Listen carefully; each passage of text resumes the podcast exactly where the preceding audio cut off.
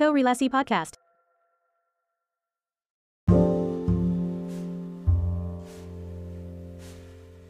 Halo, kita ketemu lagi di Korelasi, satu obrolan podcast yang ngobrolin arsitektur dan kaitannya dengan berbagai aspek dalam kehidupan. Kali ini kita kedatangan tamu yang sangat spesial sebenarnya, uh, nggak diduga-duga ajakannya tiba-tiba, tapi beliaunya menyetujui gitu. Jadi uh, dapat kesempatan yang luar biasa untuk bisa ngobrol sama Mas Hari Indra dari Abodai dan sekarang ada tag baru nih, namanya Sahabat Selojini. Uh, kita bakal ngobrolin seputar topik citra atau let's say karakter gitu Ah, kita ketemu sama Mas Hari. Halo Mas Hari. Halo. Apa kabar? Baik baik. Semoga Sehat, semuanya sehat. sehat. Sehat. Ya. Ah, posisinya di Salatiga ya sekarang nih. Sekarang sudah di Salatiga for good. For good. Biasa orang balik dari luar negeri ini pindah ke kota kecil itu termasuk nanti mungkin cerita yang bakalan kita kulik gitu ya karena Eh. rasanya seru gitu ngelihat. Kayaknya semua orang udah pada tahu ceritanya ya. Sebenarnya harusnya ini menjadi sebuah eh, misteri, tapi karena kebanyakan yang nanya, terus kebanyakan jawab juga, akhirnya semua udah pada tahu sih sebenarnya kenapa. Sebetulnya iya ya karena banyak banget platform yang udah ah, ngajak Mas Hari Iya. ngobrol seputar ini Iya. gitu ya. Iya. Tapi Gak mungkin tahu kita kenapa orang kok Eh. kok menganggap ini sesuatu yang apa namanya ya? spesial ya. Ya bukan spesial ya sesuatu yang harus harus dipertanyakan. Eh, bukan spesial justru harus dipertanyakan. Mereka selalu menguliknya ada motif apa di belakang itu. Padahal sebenarnya nggak ada gitu karena ini ini sebuah sebuah sensasi sensasi apa ya perjalanan hidup yang harus terus diciptakan. Kalau saya tuh ya gitu setiap 15 tahun sekali harus ada kejutan-kejutan. 15 tahun yang lalu bikin abode 15 tahun kemudian oh besok itu abode 15 tahun. Oh, jadi pas itu nih. adalah waktu yang tepat sebenarnya untuk eh, mengaduk-aduk lagi kolam yang udah hampir tenang ini ya. Sebenarnya ini adalah rencana itu sebenarnya. Nggak ada motif apa-apa kok. Mungkin kebanyakan orang tuh bermimpi yang sama, cuman belum bisa terwujud. Jadi betul betul. Iya. Jadi mereka menggunakan eh, apa eh, eh, apa eh, menggunakan saya sebagai kan biasa orang gitu ya takut untuk mencoba, jadi dicek dulu nih kemungkinan-kemungkinan buruknya nih apa sih sebenarnya. bener bener bener bener bener Jadi dicekking satu-satu gitu ceritanya. bener bener Mas Ari, mungkin sebelum kita nyampe ke cerita tentang hidup di Salatiga yang menarik ini, em, mungkin boleh cerita sedikit Mas Ari. Em, mungkin juga banyak yang udah tahu, tapi mungkin untuk eh, nyambungin cerita dari eh, keminatan ke arsitektur sendiri, sebenarnya mungkin agak basi ya ngobrolnya. Cuman balik lagi kayak ke arsitektur sebagai satu keminatan atau let's say satu bidang ya, yang kemudian memang passionate di sana dan lain sebagainya. Itu titik awalnya dari mana sih sebenarnya? ini ngomongin tentang saya dong berarti ya Iya betul. Eh, sebenarnya eh, itu nggak bisa direncanakan sih ya. Saya selalu Hmm. bilang kepada orang-orang bahwa kalian tuh boleh kuliah apa saja, tapi eh, mungkin nantinya menjadi apa itu masih rahasia semesta gitu ya. Karena kan Hmm. kita nggak pernah akan tahu jalan kehidupan kita nanti seperti apa. Saya juga nggak pernah tahu tiba-tiba ternyata bukan tiba-tiba ya bahwa ternyata saya serius menekuni profesi ini dan akhirnya menyadari bahwa ini adalah satu-satunya yang bisa saya lakukan dalam hidup gitu. Agak-agak menyedihkan sih sebenarnya kenapa nggak bisa jadi orang tuh yang all rounder gitu ya. Tapi di satu sisi juga kayak menyenangkan karena ternyata saya cuma punya satu dimensi hidup gitu loh yang Hmm. yang akhirnya mungkin ya mau nggak mau terus harus harus didalami. Ya sebenarnya minatnya sudah sudah lama ya. Mhm. Eh, apa ya? eh, pengalaman keruangan saya tuh dari kecil. Ternyata ya orang orang itu punya pengalaman ruang itu semenjak dia lahir. Hmm. Cuman ada yang peka, ada yang tidak peka. Nah, saya itu mungkin ya ini ini baru penemuan penemuan belakangan sih setelah saya kemudian membaca dan sebagainya. Ternyata saya peka tentang ruang itu memang sudah semenjak lahir. Hmm. Waduh, ini kok jadi kayak kayak- kayak ngaku-ngaku banget gitu ya. jadi jadi jadi kalau ya di, di, di saya saya lupa ya siapa yang bilangnya. Jadi dia bilang eh, ada orang yang memang peka, ada orang yang tidak peka. Hmm. Dan saya saya beruntung saya cukup peka dengan dengan keruangan karena eh, ceritanya menarik. Jadi saya tuh sampai umur eh, mungkin 12 tahun ya Hmm. saya selalu punya mimpi yang berulang tentang tentang ruang yang yang nyaman yang yang saya kalau mimpi itu tuh pasti senang banget pasti senang Oke. banget karena saya merasa nyaman itu tuh kayak ada saya berada di sebuah sebuah mungkin kayak soft toy gitu ya yang saya berada Hmm. dalam sebuah soft toy tapi saya selalu selalu ingat bentuknya sangat distintif kayak panjang-panjang dan dia dan dia Ini ada yang mimpi pas memeluk tidur gitu ya. Ah, mimpi pas Ah. tidur. Dia ada yang memeluk leher saya, dia ada Oh, yang oke. memegang kepala saya, dia ada yang ada yang kayak membelit saya, tapi itu tuh nyaman sekali gitu. Ah, Terus saya sebenarnya nggak tahu, tapi mimpi itu kemudian setelah saya dewasa tuh hilang ya, hmm. Berganti dengan mimpi yang lain. Lebih Nah. duniawi. Nah, setelah tanya sana sini dan sebagainya gitu, ternyata saya waktu lahir itu saya sempat hampir nggak sukses karena Ah, eh, kebelit ini, kebelit plasenta. Kalau orang Hmm. Jawa bilang kan berkalung usus dan mhm, betul. kebelit plasenta itu kan sebenarnya eh, near death experience ya buat Agak buat fatal bayi ya ya. sebenarnya. Tapi itu sebenarnya sangat nyaman buat bayi karena dia berasa kayak direngkuh dari dalam lagi direngkuh dalam dan itu tuh surprising nih ternyata itu adalah mimpi yang selama ini saya saya alami dan terus terang setelah dewasa saya merindukan mimpi itu tapi nggak nggak pernah bisa balik lagi mimpi itu Diganti bisa guling gitu ya membayangkan. hanya bisa membayangkan bahwa eh, dulu ada mimpi seperti itu yang akan Hmm. selalu saya tunggu-tunggu pada saat kecil saya tidur gitu Hmm. Nah itu satu gitu. Terus kedua eh, waktu kecil saya juga juga mulai memperhatikan bahwa ada ruang-ruang yang nyaman dan tidak nyaman. Eh, kayak kamar mandi nenek saya itu karena rumah kuno. Kita kalau udah kebelet gitu ya kita harus kayak nunggu agak lama karena kita harus jalan ke belakang Ah, betul. lewat sumur dan sebagainya sesuatu yang unpleasant sekali terus saya waktu itu sempat berpikir sih sebenarnya saya nanti kepengen bikin kamar mandi yang nyaman dan seterusnya dan Hmm. seterusnya dan dan nggak tahu ya apakah semua anak kecil berpikiran seperti itu. Seperti semua anak kecil sebenarnya suka main tenda-tendaan di bawah Betul, meja atau di betul. bawah kursi kan. Demikian juga saya. Tapi saya pikir eh, ya itu ada hal-hal yang yang kemudian akhirnya mem- membawa saya pelan-pelan sebenarnya ke sana. Walaupun eh, in the midst of of my life story pernah pengen jadi dokter pengen pengen jadi pilot pengen jadi apa tapi emang alam semesta tuh nggak pernah bohong gitu ya, Ya, kayak ternyata jadinya jadinya begitu. Tapi juga ya sama kuliah enjoy waktu kuliah dan sebagainya. Nggak pernah berpikir lah mau mau mau jadi apa. Mhm. justru malah waktu itu kencang banget kepengen jadi kontraktor. Karena beberapa beberapa eh, apa ya kenalan Oke. kontraktor tuh kayak mobilnya bagus-bagus gitu ya dan, dan, dan. Ya itu kan sesuatu yang terukur ya sesuatu yang terukur yang yang yang ah pengen seperti dan sebagainya tapi waktu itu bingung gimana caranya jadi kontraktor dan sebagainya ya the rest is history sih terus Hmm. sekarang udah jadi arsitek ya Ah, masa oke. pengen jadi kontraktor lagi kan bisa ya benar ya. ya. Masih memungkinkan kan. Tapi mobilnya udah didapatkan ya seenggaknya. nah menariknya tadi ada yang Mas Ari sebutin itu kayak nggak punya uh, another choice gitu ya. Uh, rasanya ini cuma satu-satunya keahlian yang dipunya deh.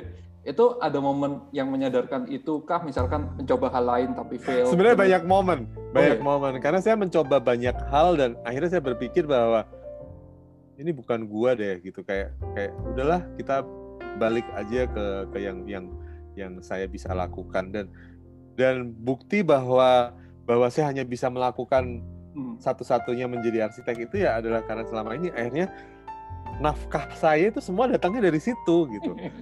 Soal-soal pengen pengen invest ini itu dan sebagainya tapi selalu unsuccessful gitu. Dan Ah, dan pada saat-saat sulit selalu akhirnya yang yang menjadi eh, apa namanya gitu ya. yang menjadi penyelamat itu selalu selalu yang profesi yang ini. Dan dan itu tuh nggak perlu kita harus mencari itu selalu datang sendiri. Saya akhirnya saya pikir ya udahlah ya gitu. Memang memang sudah harus di sini eh, eh, ya coba jadi yang yang baik aja gitu ah.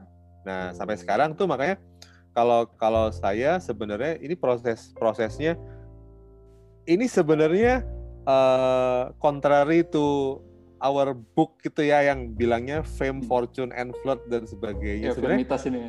Nah, ya kalau Firmitas udah mulai agak-agak sadar lah ya kan pertama kan fame, fortune and Iya, flirt gitu ya. Ah, Tapi sebenarnya apa yang kemudian saya alami itu eh, bukan ketiganya gitu loh. Artinya ah. oke uh, fortune oke flirt udah fame oke lumayan gitu ya tapi sebenarnya akhirnya semakin ke sini saya lagi mencari F yang ketiga keempat sih karena F keempat itu ternyata bahwa kalau kita sudah sudah akhirnya memutuskan untuk untuk men- menyelami profesi ini akhirnya kita mau nggak mau harus belajar Hmm. dan belajarnya itu jalannya jadi jadi macam-macam gitu Hmm. ya nggak perlu harus sekolah lagi bah- bahkan kayak tadi eh, membahas proyek dengan seseorang yang yang saya belum kenal dan dan itu tuh jadi proses yang menarik buat saya karena Dan akhirnya menyenangkan gitu ya. dan menyenangkan tanpa harus dipaksa ya. Ah, harus harus dan dan itu harus jadi proses belajar. Jadi kira-kira F apa ya yang cocok dengan dengan dengan ini ya? Apa namanya eh, eh, belajar gitu apa ya? Ini lagi lagi dicari. Nah, mungkin akan menjadi buku berikutnya. Nah, eh, tadi kan sebenarnya mungkin ada percobaan-percobaan yang dilakukan em, ternyata memulangkan Mas Ari sendiri ke arsitektur. Itu Iya. percobaannya maksudnya setelah fase perkuliahan kah atau sebelum Setelah. perkuliahan juga dilakukan? eh tahun kuliah saya saya melakukan ada beberapa beberapa hal saya mencoba berbisnis gitu ya Hmm. oke lah nggak nggak rugi-rugi nggak rugi-rugi amat cuman kayak nggak happy gitu nggak happy kayak eh, apa namanya eh eh salah bukan gini gini bukan nggak happy kalau saya melakukan sesuatu gitu ya Hmm. eh, itu happy sesuatu yang lain ya itu happy-nya terlalu gampang nah itu yang saya Ah. maksud Oke. misalnya contoh nih ya saya bisnis sesuatu gitu bisnis itu pasti untung dengan gampangnya dan saya happy gitu dan menurut saya itu jadi nggak menarik gitu Nggak sementara fulfill gitu ya. sejujurnya ya. sementara sejujurnya ya usia saya kan udah lima udah tahun ini 50 tahun ya Ah. saya sebenarnya tidak pernah merasa tuh happy dengan apa yang sudah saya lakukan di di di arsitektur. Kayak ya? saya kayak selalu pengen kayak nyari apa sih yang yang akan membuat saya happy next happy next happy next gitu. Dan dan itu yang akhirnya kayak membuat itu jadi kayak bergulung terus gitu loh kayak nggak bisa Hmm. berhenti gitu. Nah sementara kalau melakukan hal yang lain pasti happy terus berhenti kan? Berhenti ya udah gitu udah itu udah- kayak itu bukan gua Jadi happy yang terlalu gitu. gampang ini justru makin membuat Iya. nggak fulfill Nah, gitu ya. aneh kan nah ya Ah. begitu gitu dulu waktu masih agak mudaan berpikirnya sebaliknya tapi ternyata setelah sekarang berpikir seperti itu atau mungkin ini hanya justifikasi nggak tahu ya tapi tapi memang kenyataannya seperti itu saya tuh nggak pernah terlalu happy dengan apa yang yang sudah jadi dengan dengan apa yang sudah sudah misalnya bangunan proyek apa udah jadi Hmm. gitu ya Eh, nggak tahu saya nggak pernah happy dengan apa yang sudah jadi kayak nggak nggak pernah Menikmatinya puas. justru di prosesnya ya.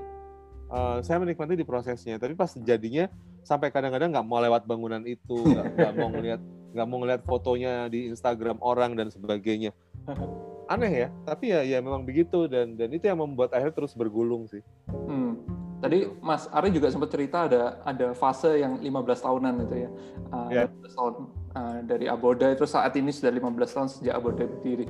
Uh, sebelum Abodai itu kan uh, kalau nggak salah nih ya. itu sempat- fase bermain Oh, Oke. sebelum itu fase bermain Coba-coba ya. Ini termasuk yang sampai ke Singapura segala macam untuk Iya itu itu fase berkarir ya? bermain jadi ke Singapura tuh nggak nggak kerja sih itu sebenarnya main Mainnya main jauh ya. selama main selama 9 tahun tapi itu memang akhirnya terjadi sih jadi sebenarnya eh, apa turning point-nya itu adalah ketika teman-teman saya merayakan ulang tahun saya yang ke-21 waktu di Oke. kos-kosan. Terus saya pikir kenapa harus dirayakan? Terus mereka bilang, ya kalau cewek 17 tahun, kalau laki-laki itu 21 Ah. tahun. Terus kenapa gitu ya? Karena di 21 tahun itu adalah usia di mana kita bisa mulai main, kita bisa mulai menentukan apa yang kita mau. Agak aneh sih sebenarnya, gampang terpengaruh sama teman. Tapi terus itu yang saya lakukan, saya pikir, oke, saya akan memberi waktu saya untuk main-main untuk 10 tahun ke depan. Hmm. Ya harusnya kan 31 berhenti main ya, cuman kayak 31 kalau 35, oh 31 harusnya berhenti main. Terus tiba-tiba membaca buku Bapak Frank Gehry memulai Starting eh, lebih eh, kerjanya pada usia 35 tahun dia bikin biro sendiri. Oke, I follow Frank Gehry gitu. Sehingga akhirnya saya punya waktu ekstra 4 tahun untuk main. Kemudian pada umur 35, pas 35 saya membuat Abode. Hmm. Dan itu banyak yang men-trigger tapi akhirnya akhirnya jadilah jadilah Abode. Terus eh 35 nah ini tahun ini kan 50 ya. Itu Hmm. harus harus sudah harus ada hal lain yang yang yang yang bisa bisa saya lakukan tapi nggak jauh-jauh dari, dari arsitektur sih makanya Nah, ada tag baru tadi disampaikan itu ada sahabat Selogene itu sebenarnya sebenarnya mau dibilang direncanakan ya direncanakan tidak juga juga enggak juga gitu ya Hmm. jadi ya itu kayak mungkin memang udah udah di belakang sini itu udah udah unconsciously itu udah unconsciously udah udah jalannya harus apa setiap 15 tahun tuh otaknya udah udah uh, bukan bosen ya tapi udah pengen sesuatu yang yang yang yang lain jadi akhirnya ya uh, apa namanya uh, memulai sesuatu gitu.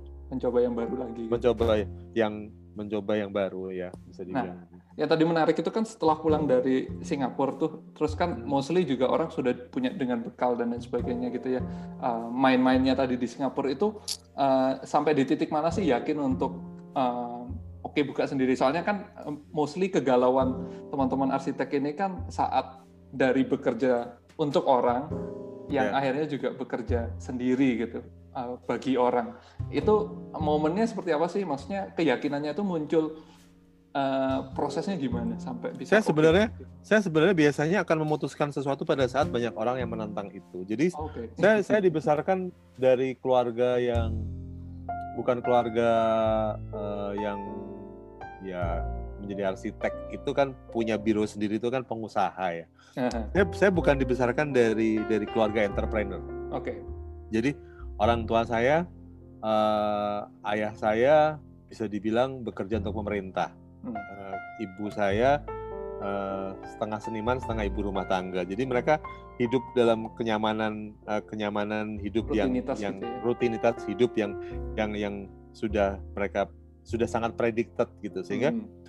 waktu kemudian saya berpikir untuk membuat berdiri sendiri setelah waktu itu mungkin sekitar 10 tahun 10 tahun bekerja dengan orang lain tantangan terbesar itu dari keluarga karena mereka hmm. berpikir uh, bisa nggak saya uh, punya kehidupan senyaman selama 10 tahun itu hmm. nanti pada saat saya uh, membuat Abu Dhabi sendiri. Dan dan sebenarnya tantangannya cukup cukup cukup kuat ya gitu. Hmm. dan saya juga bingung. Orang tua saya biasanya sangat membebaskan saya untuk melakukan segala hal. Tiba-tiba pada saat saya ingin berdiri sendiri uh, tantangannya cukup kuat. Dan itu membuat saya sebenarnya justru malah semakin uh, udah harus di harus di harus dilakukan. Ini ini ini sebenarnya sama sama kisahnya seperti waktu saya mau masuk kuliah. Okay. waktu saya mau masuk kuliah kedua orang tua saya mendorong saya untuk masuk ITB untuk entah hmm. kenapa ya untuk masuk ITB dan saya memutuskan untuk sama sekali bahkan tidak memilih ITB gitu. Jadi saya selalu kayak membuat sesuatu yang contrary dengan keinginan keluarga dan itu kayak memuaskan sekali. Dan akhirnya akhirnya membuat abode itu juga salah satunya untuk menjawab keraguan mereka bahwa bahwa saya saya saya bisa bisa hidup dengan menjadi pengusaha dalam tanda kutip gitu ya dan ya syukurnya bisa, gitu ya. untungnya bisa gitu. Ya. Sehingga keraguan itu kemudian timbul lagi pada saat setelah saya nyaman dengan Abode dan kemudian saya memutuskan untuk tinggal di Salatiga hmm. dan kemudian running sesuatu yang baru, mereka juga kemudian bertanya-tanya lagi, yakin muncul kontranya lagi ya. Oh, meninggalkan so, uh, kenyamanan, kenyamanan yang kemarin dan sebagainya.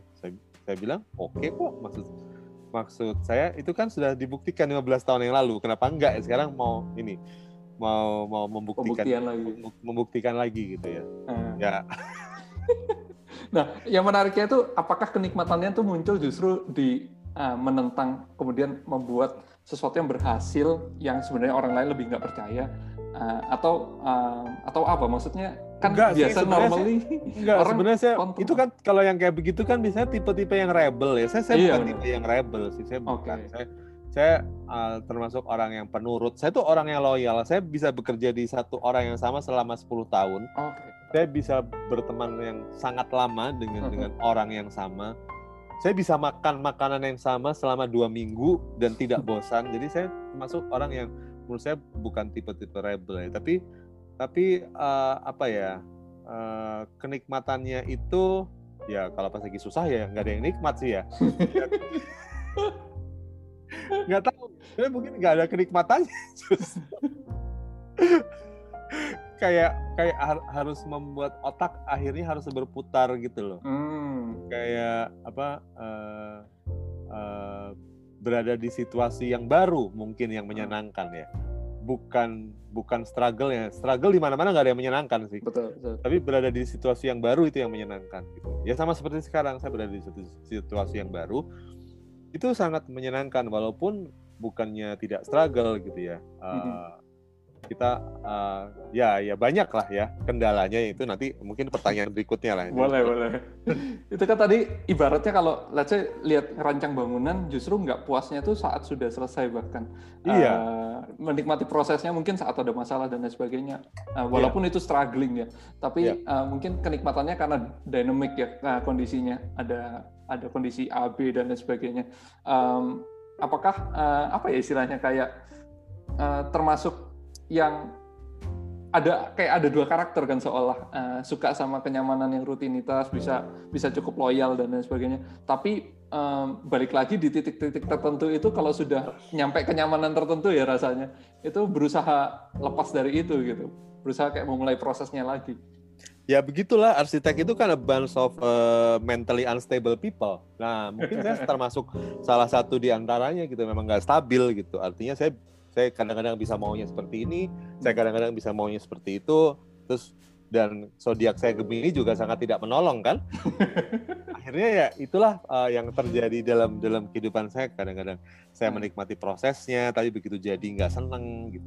Hmm. orang juga bingung gitu kenapa kenapa Pak kok nggak pernah mau ngelewat situ lagi? Saya nggak seneng sampai gitu. Saya nggak mau lihat itu gitu. Sampai nanti akhirnya itu menjadi biasa saya akan lewat situ lagi. Dan itu sering terjadi. Saya juga kadang-kadang oh, bingung apa yang aneh di apa yang aneh di dalam diri saya gitu? Apakah emang benar-benar saya saya tidak berbakat untuk menjadi arsitek sehingga apa yang saya buat saya pikir jelek gitu ya gitu. Kadang-kadang sampai berpikir seperti itu gitu. Tapi ya, hmm. ya ya ya itu ada sebenarnya ya udahlah yang bisa cuma ini ya.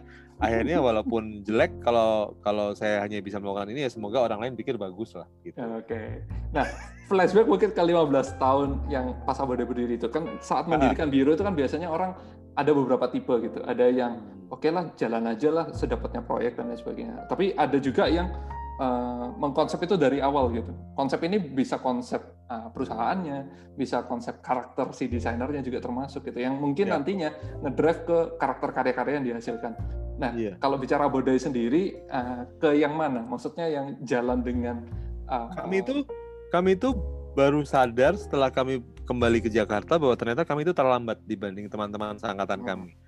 Okay. Jadi teman-teman seangkatan kami kebanyakan sudah sudah punya klien, sudah punya hmm. proyek yang yang steady dan sebagainya dan kami baru mulai sehingga mau nggak mau uh, untuk mengejar uh, start yang terlambat itu kami harus melakukan sesuatu gitu sehingga hmm. memang kalau bisa dibilang Abode itu dari awal sudah terkonsep menjadi hmm. apa okay. dan menjadi apanya itu ya mungkin sekarang sudah tercapai sih artinya uh, yang dulu jadi uh, ya ya ini mungkin sesuatu yang yang mungkin uh, arsitek biasanya agak-agak tabu ya ngomongin uang tapi hmm. akhirnya yang mendrive kita uh, di awal-awal abode itu adalah adalah uh, financial planning. Oh. Financial planning itu adalah hal yang kemudian mendrive kita untuk untuk menjadi seperti yang sekarang 15 tahun sekarang gitu. Ya tidak ya walaupun itu tidak mengatakan bahwa semua terselesaikan enggak juga.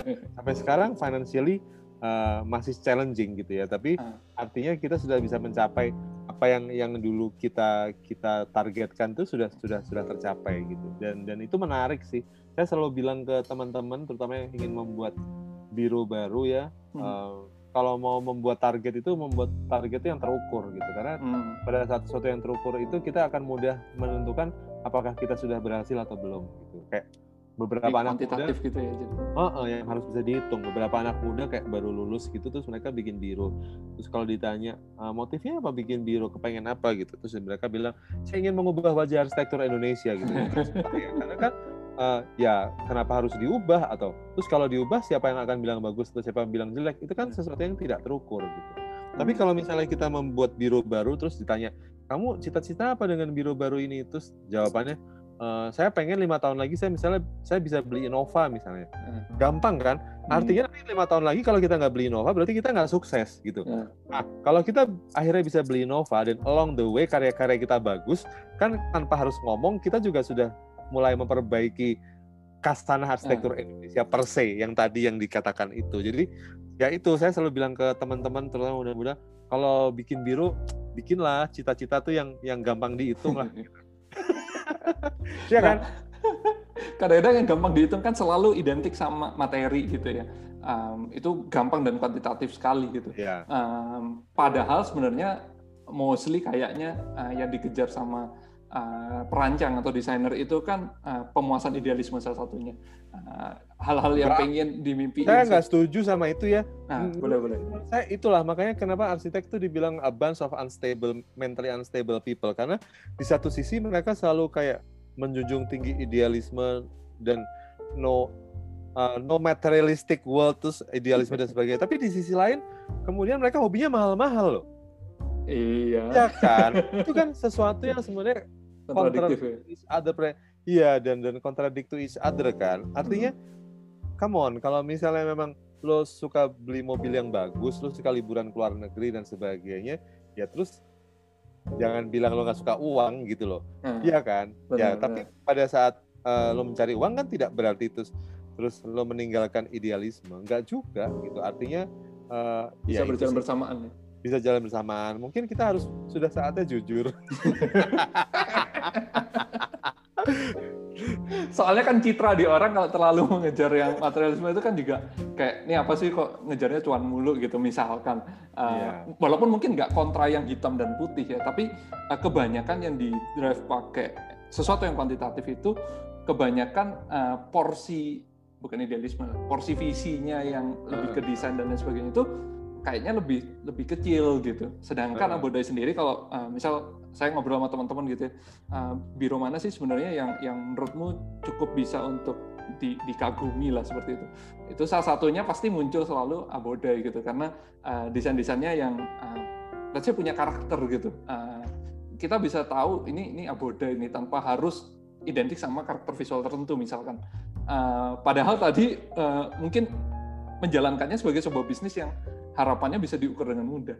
Uh, dalam perjalanannya sendiri itu ini ini sering nemu perdebatannya nggak sih? Sering sering tabrakan nggak sih antara yang saya pikir ya saya pikir ya semua orang yang sudah berhasil lulus uh, kuliah arsitektur kemudian sudah bekerja sekian tahun mereka pasti udah punya udah punya inilah apa uh, apa ya inilah udah udah udah punya estetik area yang gak jelek lah gitu. Artinya kalaupun hmm. akhirnya kita memutuskan untuk menjalankan sebuah sebuah biro dengan perhitungan bisnis, uh, kita nggak mungkin akan akan melupakan itu gitu. Dan hmm. dan akhir ini saya seneng ya karena senengnya kenapa? Karena akhirnya uh, mungkin generasi muda mulai terbuka matanya bahwa arsitek yang bagus tidak ber selalu berarti bahwa dia juga nggak punya duit gitu. Hmm. Contohnya udah bertebaran kan ya hmm. di kasana arsitektur Indonesia gitu bahwa arsitek yang karyanya bagus pasti juga mobilnya bagus gitu.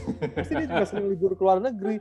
Pasti juga anak-anaknya sekolah di luar negeri dan seterusnya dan seterusnya dan dan menurut saya itu sebuah contoh yang bagus sekali buat buat buat uh, generasi nanti next berikutnya sehingga mungkin ya nanti 10 tahun lagi nggak akan ada lagi tuh uh, pertanyaan antara uh, pertanyaan yang mengkontradik uh, between materi dan idealisme tuh nggak ada gitu ah. karena itu itu akan akan akan menjadi akan menjadi sesuatu yang yang sebenarnya uh, apa ya ya jamak ya biasa gitu nggak udah nggak perlu dipertentangkan lagi hmm. atau mungkin juga karena uh, klien-klien yang sekarang itu dengan media sosial dan lain sebagainya yang ada itu juga udah lebih lebih bisa apa ya mungkin bisa dikatakan kayak sedikit uh, paham gitu ya apa yang sebenarnya uh, dicita-citakan arsitek kebanyakan gitu misalkan uh, kayak ya. mungkin lebih banyak referensi lebih banyak publikasi yang bagus-bagus dan lain sebagainya sehingga mereka lebih lebih bisa gampang sejalannya gitu sama Iya. pikiran arsiteknya sendiri. Iya, mungkin, mungkin, mungkin bisa begitu juga. Cuman yang yang sebenarnya yang agak agak membuat saya menjadi selalu berpikir adalah bahwa Indonesia ini kan sangat besar, bahkan hmm. in a way terlalu besar gitu ya. dan kita uh, berusaha selalu ingin membawa idiom bahwa kita itu adalah negara yang satu, negara yang yang berbeda-beda gitu tapi ya. satu gitu ya. Padahal menurut saya itu tuh romantisme masa lampau. Saya kalau ngomong gini pasti akan ditangkap sih, tapi nggak Menurut saya ini roman, romantisme founding father yang yang hmm. yang akhirnya menjadi beban kita semua gitu. Kayak okay. kita harus harus harus setara semua satu negara dan sebagainya. Yang menurut saya nggak mungkin gitu, nggak hmm. mungkin karena uh, orangnya beda-beda, rasnya beda-beda, agamanya beda-beda, tingkat ekonominya beda-beda.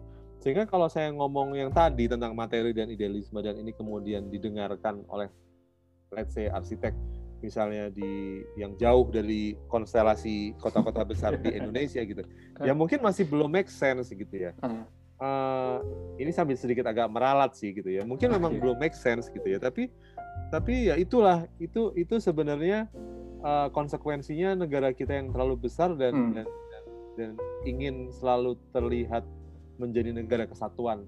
Menurut hmm. saya itu nggak tepat sih dan dan itu akhirnya imbasnya adalah ya contohnya di beberapa di beberapa profesi ya di arsitektur kalau kita misalnya ke kota-kota di Sulawesi dan sebagainya di hmm. di kali eh di di Irian gitu ya yang orang-orang hmm. masih kadang-kadang dibayar jasanya dengan dengan cat, dibayar jasanya dengan semen dan sebagainya. Kayak barter gitu ya. Kayak barter ya itu kapan bisa kapan bisa punya mobil bagus ya. Kan ya kalau benar semen gitu kan. Nah, itu itu kenyataan sih. Jadi ya ini kalau yang mendengarkan ada yang di luar konstelasi kota besar di Indonesia, uh, kalimat saya tadi sebenarnya adalah sedikit meralat gitu ya bahwa mungkin kenyataan yang kita kita kita selalu kontradik tadi masih ada di beberapa hmm. Di beberapa kota yang mungkin jauh dari Jakarta, Bandung, Surabaya, Bali itu masih ada. Oh, Oke. Okay. Tadi kan pada saat ngediriin Abode sendiri gitu. Kalau tadi bicara masing-masing uh, kawasan rasanya punya kekuatannya sendiri-sendiri gitu ya. Uh, yang nggak nggak bisa disamain juga masing-masing punya konteksnya sendiri-sendiri. Sedangkan saat mendirikan biro ini kan apalagi di kota besar yang tadi ya konstelasi uh, kota-kota besar di Indonesia termasuk Jakarta mungkin um, persaingan itu kan udah cukup ketat rasanya ya di 2005 ya kalau nggak salah pas Abode berdiri itu. 2006. 2006. Um, itu tadi kan dengan perhitungan bisnis dan lain sebagainya itu seolah oh ada formatnya sehingga ini nantinya bisa mencapai pencapaian-pencapaian tertentu yang bisa diukur. Uh, ya. Tapi kan di ekosistem arsitektur itu kan tetap ada kompetitor. Ya. Nah, uh, apakah Abode itu termasuk yang mengkonsepkan tidak hanya konsep bisnisnya, tapi konsep karakternya juga, atau yang menjadi pembeda sama kompetitor di sekitarnya? Hmm, nah itu pertanyaan yang bagus ya. Uh, Sebenarnya enggak ya. Kalau kalau pernah baca bukunya uh, Herzog, Herzog and the Meuron itu itu salah satu arsitek yang saya kagumi ya. Itu hebatnya mereka adalah mungkin mereka adalah salah satu di antara dua uh, twin yang menang Pritzker ya dan hmm. mereka selalu dipuji sebagai satu biro yang berhasil berhasil mengamal gamet dua orang menjadi satu dan dan mereka tidak orang tidak akan pernah tahu siapa membuat apa gitu maksudnya ini karyanya siapa yang dominan ini kan hmm. nggak pernah tahu kan gitu, kan. gitu ya Iya, ya mereka mereka bisa bisa seamlessly menggabungkan semua uh, ego estetik mereka menjadi satu. Nah, itu sebenarnya yang yang yang nggak pernah kami pikirkan pada saat kita membuat kami membuat abode ya. Karena kami waktu itu ya udah pokoknya targetnya kita harus kebut-kebutan nih kejar-kejaran sama orang-orang yang udah punya klien dan sebagainya. Gimana caranya kita bisa punya klien dan sebagainya.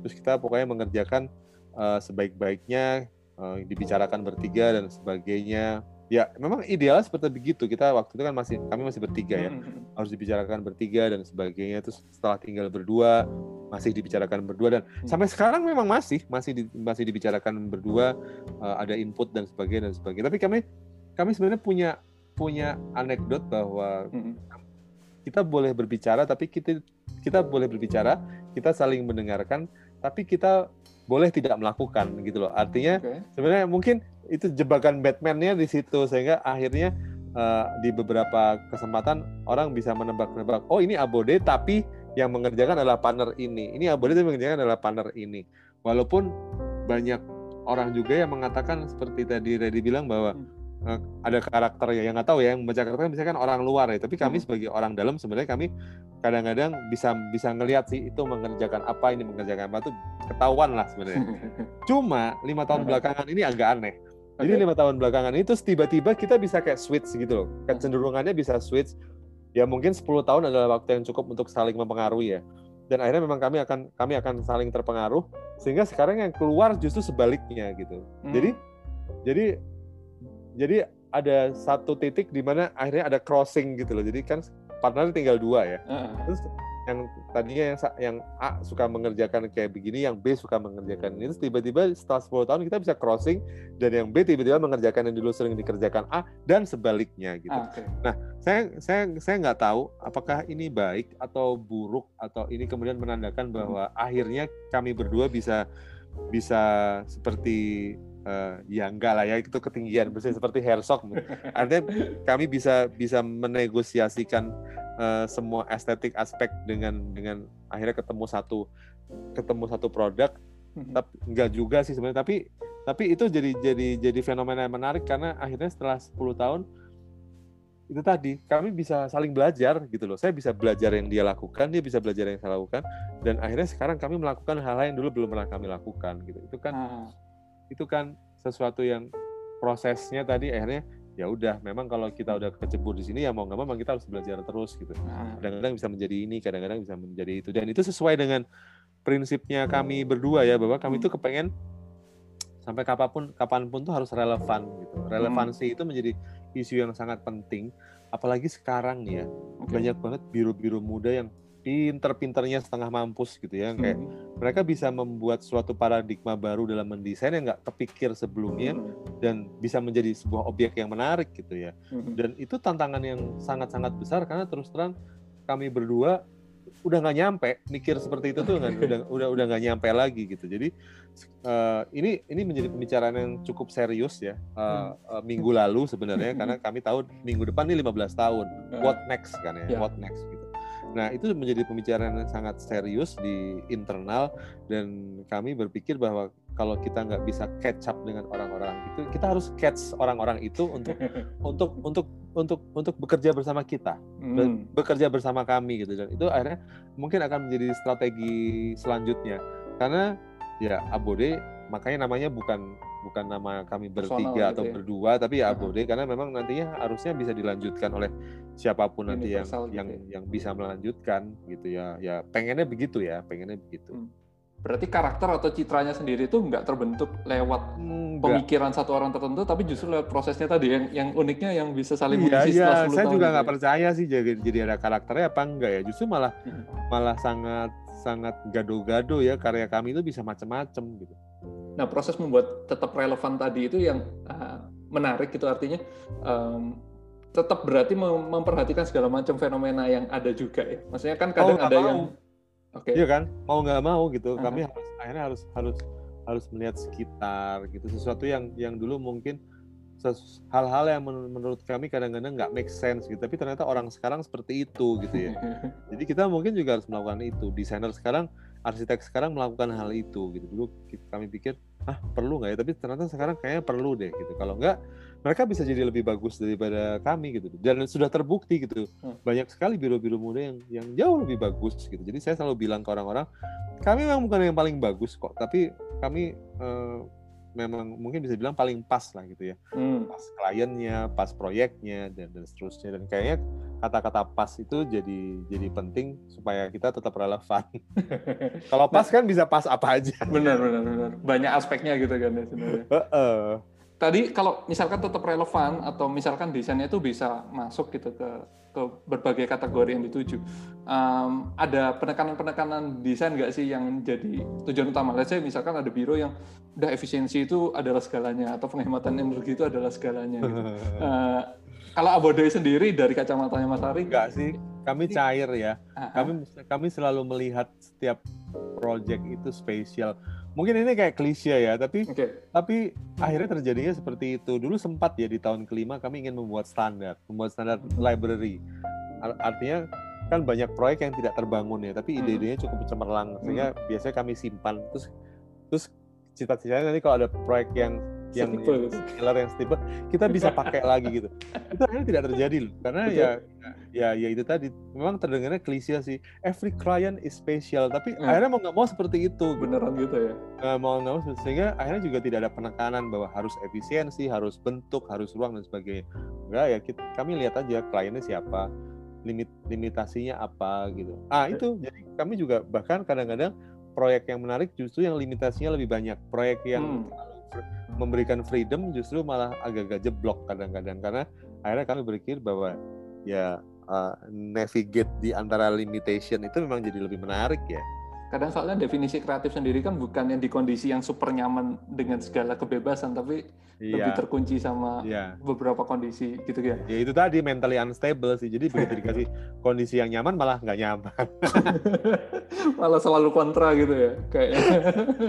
nah uh, bicara skala project sendiri biasanya kalau satu biro itu sudah menetapkan uh, marketnya gitu ya. Oh, yeah. selalu high rise building atau selalu yeah. residential terus gitu ya. Uh, cukup setia gitu sama residential terus yeah. uh, atau high rise terus. Sedangkan Aboda ini cukup cair itu tadi kata-katanya mungkin yang tepat. Iya. Bisa nah, bisa masuk sebenarnya ke... gini, sebenarnya yang men mendrive kita ya lagi-lagi itu tadi apa namanya financial planning ya. Jadi financial planning sangat mendrive kita. Jadi kita sehingga kami nggak nggak terlalu picky dengan dengan tipologi project as long as mereka bisa fill in financial planning kami selama satu tahun dan ya proyeknya nggak jelek-jelek amat lah begitu. Nah, nah itu yang mungkin kita kami selalu bilang bahwa janganlah jangan terjebak di satu genre tertentu gitu kayak hmm. genrenya misalnya kami cuma bisa bikin rumah tinggal atau komersial enggak uh, harus bisa men, harus pernah mencoba semuanya walaupun akhirnya terbukti kita nggak bisa kami nggak bisa bagus di semua hal juga gitu ya tapi harus hmm. mencoba semuanya paling nggak udah pernah dan dan apa namanya dan dan itu tuh penting dalam dalam perjalanan uh, berikutnya untuk menentukan kayak karakter proyek apa yang akan kita yang kami ambil dan dan seterusnya. Nah, ngomong-ngomong masalah ini, nah inilah kemudian akhirnya yang memberi ide kepada saya hmm. untuk kemudian membentuk uh, tagline baru itu. Karena kan hmm. kalau Abode itu selalu selalu runningnya berdasarkan financial planning gitu. Hmm.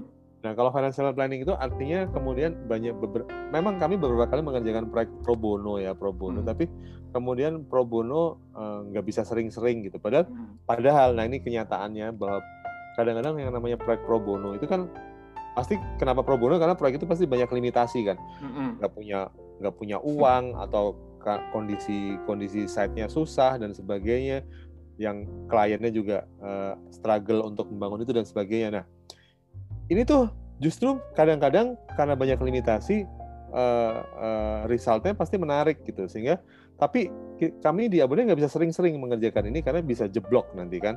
Uh, yang financial, financial planning tadi, tadi bisa ah, jeblok. Betul.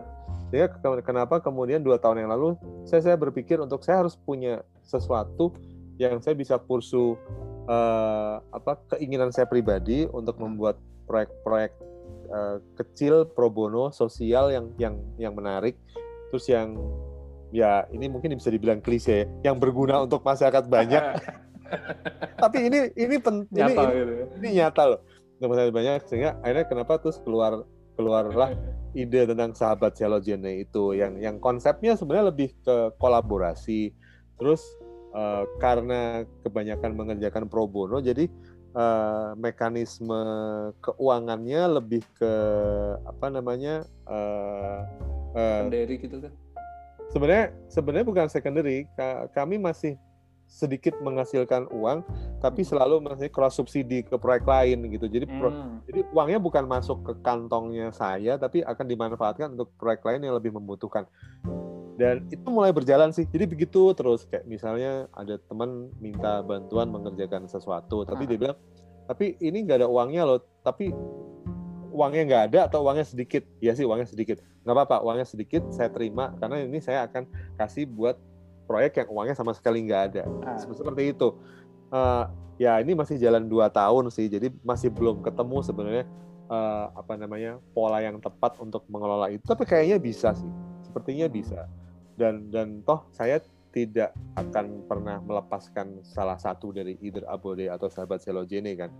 Ya kan uh, umum kan? Arsitek kan punya dua rumah lah ya kan. Pertama rumah kedua gitu. Sama saya juga punya dua rumah. Saya punya Abode sama saya punya sahabat Selojine yang karakter proyeknya uh, berbeda dalam dalam hal itu tadi dalam hal yang saya bilang tadi.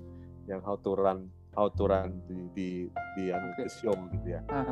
Nah kalau tadi misalkan um, apa ya indikatornya tuh financially stable gitu misalkan.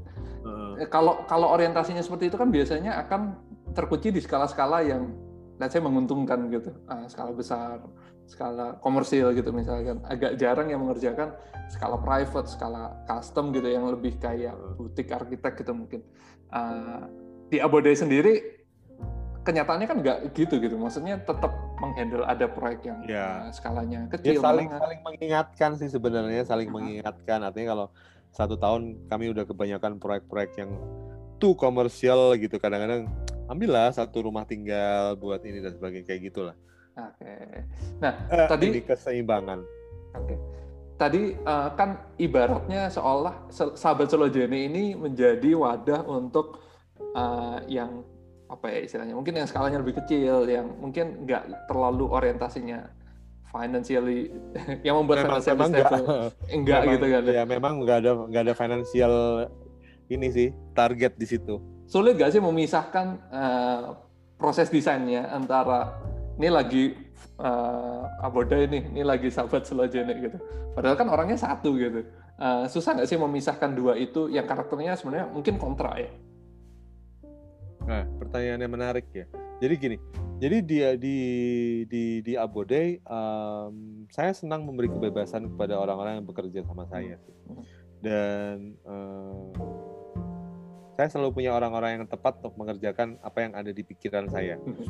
Terus kemudian itu ternyata bisa diterapkan tidak hanya di Abode tapi di mana-mana gitu. Hmm. Kadang-kadang saya pikirnya gini loh, saya kan orang nggak terlalu pintar gitu ya. Banyak orang pintar di luar sana yang mungkin mereka tidak punya kesempatan gitu nah yeah. nah itu harus kita harus kita rope in harus kita ajak dan sebagainya karena syukur-syukur kalau kita bisa ikutan pinter kan syukur-syukur kalau kalau kita kita bisa membuat uh, karya saya dan mereka menjadi satu sehingga kita kelihatan pinter ya kan ya kan kan kan begitu. Nah kalau kalau di di Abode karena kami sebuah tim yang sudah besar dan sudah ada strukturnya, hmm. ya memang akhirnya yang saya lakukan adalah setiap ada proyek dan sebagainya selalu drive-nya dari saya, teman pengembangannya dari mereka gitu. Nah, hmm. bedanya di sahabat Selogene adalah karena orangnya selalu berganti-ganti ya. Okay. Jadi kolaboratornya kan selalu berganti-ganti. Selalu orang baru juga orang baru, orang baru, orang pintar yang orang pintar yang baru, orang pintar yang baru gitu. Sehingga uh, memang tidak akan bisa di di run seperti saya run Abode gitu. Hmm. Dan dan ini akhirnya mau nggak mau uh, saya akan selalu uh, mungkin kalau dia boleh 50% di sini menjadi sekarang ya menjadi 80% gitu. Hmm. Kemudian ada beberapa orang yang yang nanya, terus nanti di sahabat Seloji ini lo akan mencari nggak orang yang yang bisa, bisa settle in gitu ya? ya bisa bisa bisa menjadi uh, perpanjangan tangan saya itu saya bilang kalau terus nanti saya punya perpanjangan tangan lagi di situ terus apa bedanya sahabat Selojini sama Abode gitu kan nggak ada bedanya gitu akhirnya slowly saya, transform jadi abode dan slowly transform jadi abode kedua dan kan bukan itu yang diinginkan hmm. kan hmm. akhirnya so, so far sih uh, saya tidak melakukan itu kayak hmm. kemarin misalnya tiba-tiba udah mulai nyaman nih ada satu kolaborator yang udah mulai nyaman gitu dan saya tahu kalau saya terlalu nyaman tiba-tiba nanti dia bisa akan menjadi partner saya jadi di proyek berikutnya saya lepas saya akan hmm. cari orang lain untuk mengerjakan itu gitu ya itu itu ini sih apa namanya uh, untuk untuk menjaga menjaga diri. Tetap fresh gitu ya. Untuk menjaga diri untuk tidak terjebak akhirnya menjadi abode lagi gitu enggak ah, gitu. jadi, ah. jadi uh, akhirnya satu proyek terus harus ganti. Satu proyek harus diganti. Dan itu akhirnya menarik sih itu tadi proses belajar itu tadi benar-benar nyata gitu ya. Kadang-kadang ternyata orang berpikir di luar seperti yang kita bayangkan dan dan mau nggak mau kita harus berpikir seperti itu katanya kan ngajak kolaborasi masa kita hmm. nggak hmm. mau gitu ya hmm. eh bagus juga gitu bagus juga gitu ya itu hmm. penting sih ternyata kolaboratif work itu mungkin akan menjadi the future partnership oke okay. salah satu kuncian kolaborasi tadi kan uh, ingin salah satu yang ingin dicapai kan tujuan untuk bisa tetap relevan juga ya Uh, adaptif gitu ya melihat metode-metode yeah. baru gitu yeah. Ya. uh, ada nggak mas buat Mas Hari sendiri yang keinget banget um, satu proses merelevankan diri itu yang membuat takjub tadi? Misalkan nggak kepikiran hal ini ternyata ini bisa melakukan. Dan itu kolaborasi sama let's say Abode atau sahabat Selojen yang benar-benar let's say mind blowing gitu yang membuka wawasan lebih gitu. Walaupun sebenarnya pengalaman Mas Hari sendiri dengan Abode udah udah cukup gitu udah 15 tahun. Tapi tetap menemukan hal baru ada hal baru khusus yang membuat kaget nggak? Dan memorable Iya, uh, saya tuh paling seneng kolaborasi sama seniman ya. Okay. Dan sejujurnya sampai sekarang belum pernah ada yang terbangun. Oh, oke. Okay. Sadly belum pernah ada yang terbangun. Hmm. Saya tuh sangat mengagumi cara mereka berpikir ya. Uh, banyak orang bilang seniman kan mikirin kan nggak structure ya.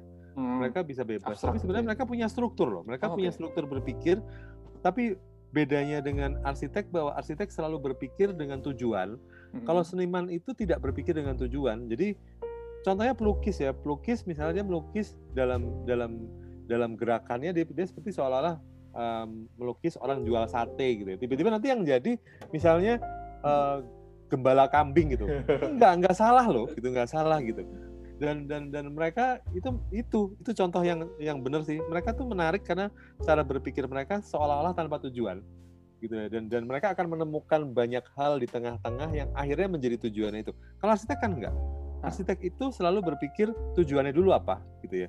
Terus baru uh, kita membuat strategi-strategi untuk mencapai tujuan itu gitu. Nah itu kadang-kadang akhirnya yang namanya akhirnya kadang-kadang strateginya jadi terlalu kekencengan gitu hmm. strateginya sehingga sampai di tujuannya terus jadi flop gitu. Jadi kayak kalau film Indonesia tuh mungkin plotnya jadi nggak nggak kuat gitu ya.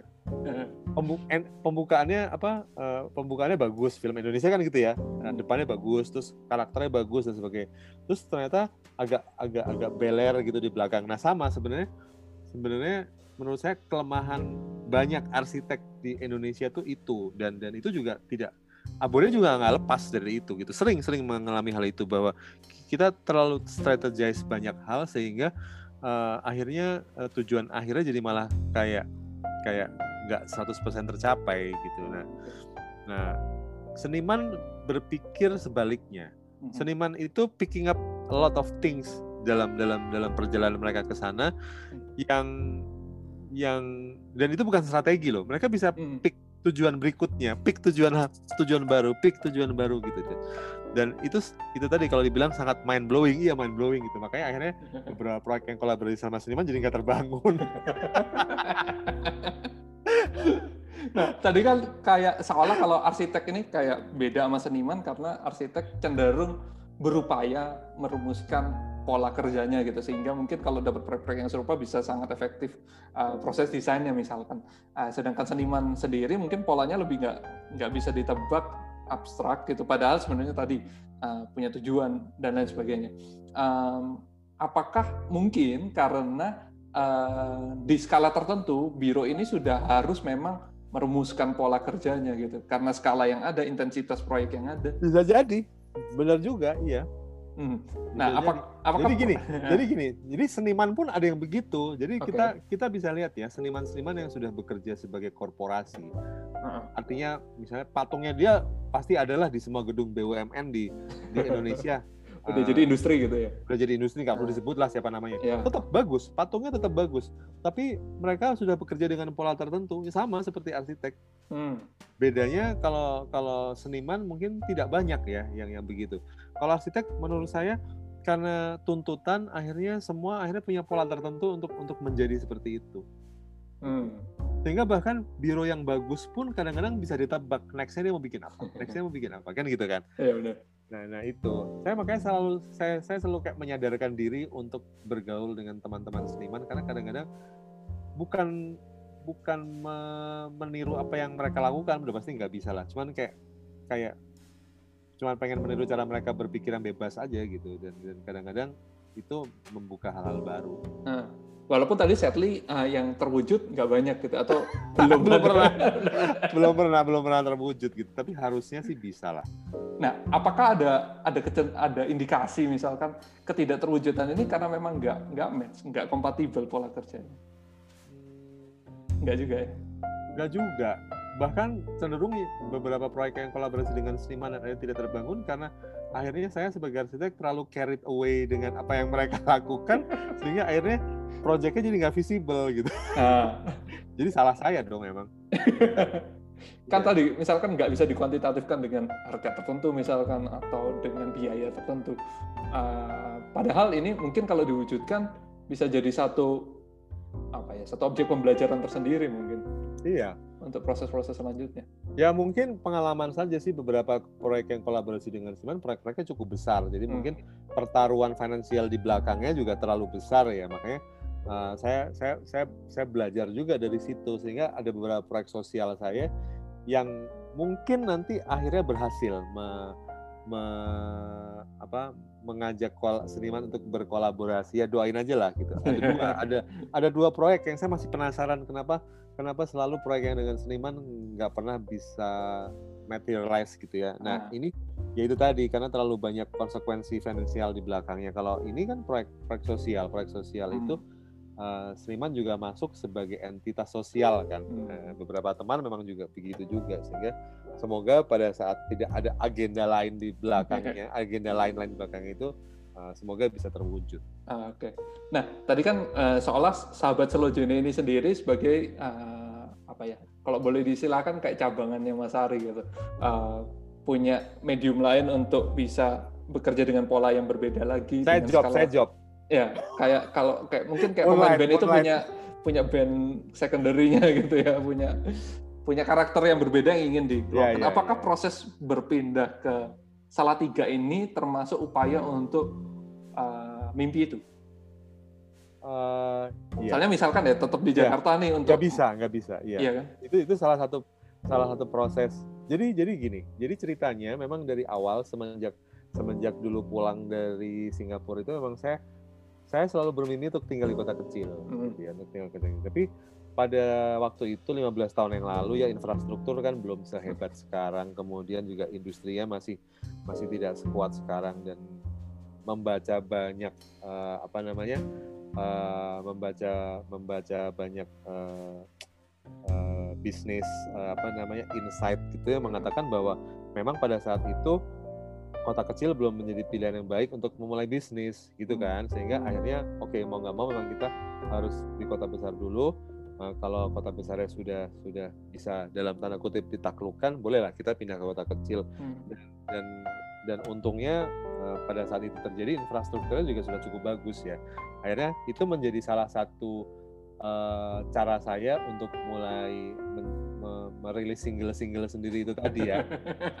Tapi di satu sisi saya sebenarnya juga uh, saya karena kami berpartner gitu ya. Jadi sebenarnya arsitek yang selalu saya lihat tuh jadi biasanya selalu bukan yang sendiri-sendiri gitu uh. selalu yang dua ya tadi saya sudah sebut Herzog Herzog uh. Herzog and the Meuron Betul. kemudian ada Sanaa nah Sanaa adalah model yang menarik karena Sanaa itu pada saat mereka punya proyek besar mereka bersatu pada saat mereka proyeknya kecil-kecil atau mungkin temannya atau mungkin ibunya dan sebagainya mereka bisa mengerjakan sendiri-sendiri. It's very interesting gitu ya dan dan, dan itu terjadi justru uh, sebaliknya kan mereka punya hmm. proyek sendiri-sendiri dulu terus pada saat mereka waktu itu akhirnya punya proyek besar akhirnya mereka bersatu. Satu, betul. Saya pikir kenapa nggak membuat sebaliknya gitu. Saya udah punya proyek yang yang cukup untuk untuk sustain kantor dan sebagainya. Mari kita punya proyek sendiri-sendiri karena kami berdua juga menyadari bahwa semakin bertambahnya usia, lalu akhirnya kita akan uh, leaning towards something yang yang kita suka dan dan itu udah bukan masalah partnership lagi. Kadang-kadang hmm. partnership itu uh, terjadi justru dan ya, bisa lama justru karena ketidakcocokan karena kita dua orang yang berbeda. berbeda. Hmm. Sehingga pada saat perbedaan itu akhirnya uh, menuju satu hal yang lain itu harus dihargai. Itu udah udah udah, udah komitmen bersama itu harus dihargai Eh, saya mungkin nggak terlalu suka berbisnis nggak bisa lah bisnis hmm. gitu ya dan saya pengen mengerjakan hal-hal yang yang lebih dekat ke aduh kayak klise ya dekat ke masyarakat dan sebagainya gitu dan dan itu akhirnya harus disadari sehingga pada saat saya memilih jalan ini itu ya sebuah sebuah uh, komitmen dalam diam sebenarnya kesepakatan berdua. Oke okay, gitu. Jadi uh, ini sini terus dia akan leaning towards something else ya nggak apa-apa. Tapi yang penting pada saat Abode membutuhkan kita tetap akan datang bareng gitu kan. Hmm. kan itu tetap akan menjadi rumah rumah pertama kita dan dan tidak bisa dipungkiri itu yang membesarkan saya dan partner saya gitu okay. kan jadi nggak boleh durhaka gitu maksudnya tapi kan sebenarnya manusia sendiri ada ada limitnya gitu waktu aja sehari cuma 24 jam betul gitu. betul nah itu apalagi ditambah jarak itu walaupun sebenarnya kondisinya udah memungkinkan gitu ya mungkin dibantu dan tanda kutip oleh kondisi pandemi ini orang jadi lebih biasa sama Iya. Saya kayak uh, conference call dan sebagainya. Um, gimana sih? Mungkin klise juga pertanyaannya. Cuman tetap penasaran sih gimana caranya bagi waktu dengan kondisi lokasi yang berbeda juga untuk bisa tetap running keduanya. Uh, saya sejujurnya orang yang paling jelek untuk ditanya bagaimana cara membagi waktu ya karena hmm. selama ini bahkan waktu waktu masih hanya abode pun saya tidak pernah merasa saya membagi waktu dengan baik. Yang penting saya mengerjakan apa yang saat itu sedang ingin saya kerjakan dan kebetulan kok ya cocok gitu. nah sekarang pun mempraktekkan hal yang sama gitu, mempraktekkan hal yang sama. Artinya moodnya sedang mengerjakan apa nih gitu, moodnya sedang mengerjakan. mendengarkan itu gitu. Jadi ada ya nggak tahu mungkin karena sudah bekerja sekian lama kayak di dalam otaknya udah mulai ada sekat-sekat yang dengan otomatis dia bisa collapsible gitu ya. Uh. Nah, jadi uh, ini waktunya mengerjakan ini jadi full mengerjakan itu seharian. Besok tiba-tiba moodnya ganti lagi jadi kita mengerjakan itu. Aneh ya? Ya nggak tahu apakah kemudian dua-duanya akan saling mempengaruhi. Uh, we'll see gitu karena belum banyak sih sahabat Celoj ini belum belum belum banyak yang bisa dilihat masih tahun yang yang menarik lagi itu saat melihat proses perpindahan itu sendiri gitu ke Salatiga. Uh, sempat ngikutin gitu ya beberapa storiesnya Mas Ari uh, dari pilih rumah gitu ya untuk kemudian di katakanlah disulap gitu ya menjadi uh, cukup nyaman, cukup kompatibel untuk uh, bekerja remote gitu, uh, dilengkapi dengan akses teknologi dan kawan-kawannya. Um, dan itu rasanya terus berproses ya si rumah ini ya, ada terus rasanya yang dikerjain ya ya tamannya, ya ininya, bikin-bikin sesuatu elemen-elemen dari rumah itu sendiri. Nah pertanyaannya, uh, arsitek itu sebagai salah satu apa ya istilahnya kayak sosok yang karakternya butuh kreativitas itu, uh, perlukah punya hunian yang mencerminkan dirinya? kalau lihat kondisi sekarang sih rasanya iya gitu apalagi kalau mungkin sebelumnya ada playhouse juga yang prosotan gitu. Saya rasa perlu ya. Um, ya bukan saya rasa ya, memang perlu ya. Hmm. Ini kan dunia kita. Dunia kita itu adalah mewujudkan uh, tempat untuk berhabitat ya. Yang paling kecil kan rumah ya, tempat-tempat hmm. kita tinggal sendiri.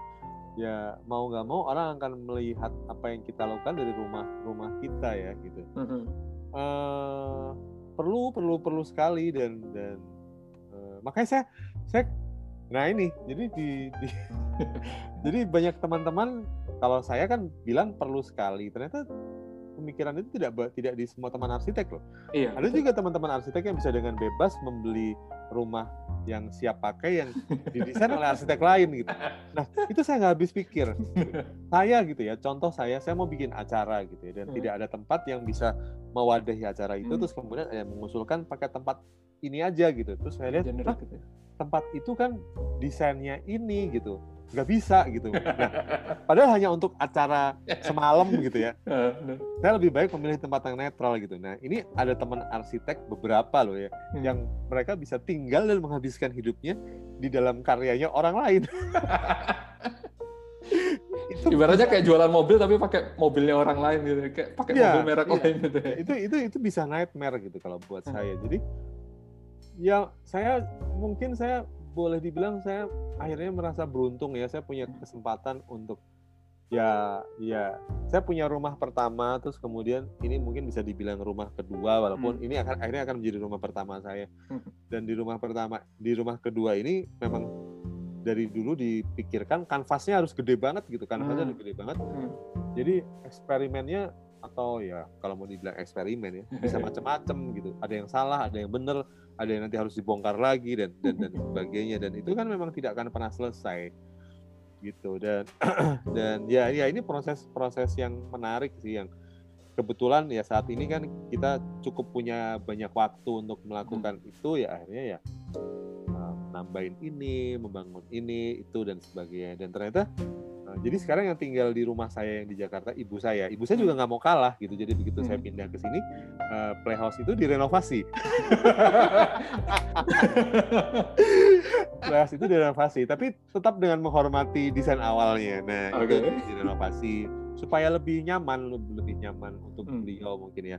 Supaya kalau ada ta tamu yang berkunjung ada kamar untuk menginap dan sebagainya uh, oke okay, gitu. Karena menurut saya uh, kanvas kanvas saya sekarang di sini. Itu itu itu lukisan yang udah selesai lah. Itu mau ditambah tambahin boleh gitu ya. Nah, nah ini, udah kan, punya kanvas baru sekarang gitu ya. Kanvas berikutnya yang mungkin nggak akan habis-habis juga sih gitu. Nah, gitu. proses mendesain kanvas ini kan di di satu di satu lingkungan yang sebenarnya tadi kan memilih pindah ke kota kecil, let's say ke desa gitu ya. Sedangkan desa ini kan yang cukup apa ya erat gitu hubungan antara satu masyarakat sama masyarakat yang lainnya. Sedangkan kalau dilihat-lihat ya ini pengen sih sebenarnya ke sana gitu ke Salajene ini. Kalau dilihat-lihat itu kan dengan luasan yang cukup besar, terus banyak mainannya gitu istilahnya. Itu gimana proses uh, interaksi sama sekitarnya gitu. Saya sebenarnya kadang-kadang merasa berdosa ya dengan para netizen yang menganggap saya tinggal di desa yang desa banget gitu. Padahal yeah. enggak juga gitu yeah. ya. Makanya tadi saya bilang ya, saya saya merasa berdosa saya ngaku tinggal di desa tapi sambil ngomong saya tinggal di desa saya lagi nungguin GoFood gitu ya. atau saya lagi tinggal di desa tapi ke Starbucks gak jauh gitu ya. Lima menit lagi saya mau ke Starbucks karena ada meeting sama klien dari Semarang terus dia memilih untuk ketemu di Starbucks gitu ya. Uh. jadi jadi untuk yang yang belum pernah ke sini gitu ya, okay. sebenarnya tempat ini memang tidak jauh dari dari pusat Akses, ya? kota. Ya? Hmm. Paling cuma dua kilo ya, dua hmm. kilo. Hmm. Uh, tapi uh, tempat ini menjadi spesial karena uh, ini ini khas kota kecil sekali ya. Jadi kota kecil itu memang tidak seperti Jakarta. Jakarta kan harus sekian puluh kilometer dulu ketemu peradaban yang berbeda gitu ya. Nah kalau di kota kecil enggak. Jadi kota kecil tuh di peri-perinya, perimeternya itu kehidupannya udah beda lah dengan dengan tengahnya. Dan saya kebetulan tinggal di perimeternya Salatiga. Jadi satu kilo dari rumah saya itu udah perbatasan kota Salatiga dengan Kabupaten Semarang. Sehingga hmm. memang akhirnya uh, suasana di sekitar sini masih memenuhi syarat untuk dikatakan desa. Tapi agak desa-desa banget itu ya. Tapi nggak desa. Di secara infrastruktur nggak desa-desa banget, tapi secara uh, mindset masih desa. Okay. Nah, jadi saya di situ saya merasa tidak terlalu merasa bersalah, gitu, karena mindsetnya memang di sini masih desa. Nah, nah dulu kenapa saya memilih tempat tinggal di sini? Saya mungkin udah pernah sampaikan ini waktu saya ditanya sama almarhum Aryo Danar ya, almarhum Aryo Danar. Karena almarhum itu dia juga salah satu yang membuat saya uh, akhirnya memutuskan untuk pindah ke desa dan hmm. sangat sedih ya akhirnya Aryo meninggal sebelum dia bisa memenuhi cita-citanya. Tapi hmm. dia sem uh, dia sempat bertanya ke saya, kenapa sih dulu milih tinggal di tempat ini? Karena hmm. dia pernah ke sini dan saya bilang nggak uh, banyak yang tahu. Mungkin saya orangnya sangat soliter. Hmm. Saya tuh penyendiri. Saya suka nonton sendiri. Saya suka ke mall sendiri. Hmm. Nah ini makanya masa pandemi ini sangat waktu yang sangat tepat gitu. Saya suka membahagiakan gitu. Ya saya suka traveling sendiri sehingga nah. pada satu titik saya merasa saya ingin punya rumah di mana saya bisa menikmati kesendirian. Okay. Sehingga waktu saya menemukan tempat ini itu jadi kayak ada aha momen gitu ya karena hmm. jalannya kecil terus terus masuk di antara perumahan penduduk. Terus tiba-tiba ada tempat yang cukup luas yang saya bisa sendirian hmm. uh, dengan kemungkinan orang luar tidak akan mengganggu saya dan dan sebagainya. Dan dan itu memang sempat terjadi gitu ya. Uh, karena tetangga nggak terlalu dekat tapi saya uh, cukup dekat sama mereka. Saya hmm. saya menjaga hubungan saya dengan tetangga justru karena saya tinggal sendiri saya harus menjaga hubungan dengan mereka sehingga kalau terjadi apa-apa saya bisa minta tolong. Gitu. Nah tapi uh, akhirnya cita-cita itu jadi agak-agak tidak tercapai ya karena hmm. terus kemudian uh, mereka berpikir bahwa rumah saya adalah rest area kilometer 666, kilometer 666 gitu. Sehingga setiap ada perjalanan uh, road trip di jalan tol mereka uh, beberapa teman selalu menyempatkan untuk menelpon nanya boleh mampir nggak gitu awalnya sih nggak enak ya bilang nggak boleh ya. Cuman sekarang akhir-akhir ini mereka udah terbiasa. Jadi kalau memang saya lagi nggak pengen terima tamu juga nggak pengen.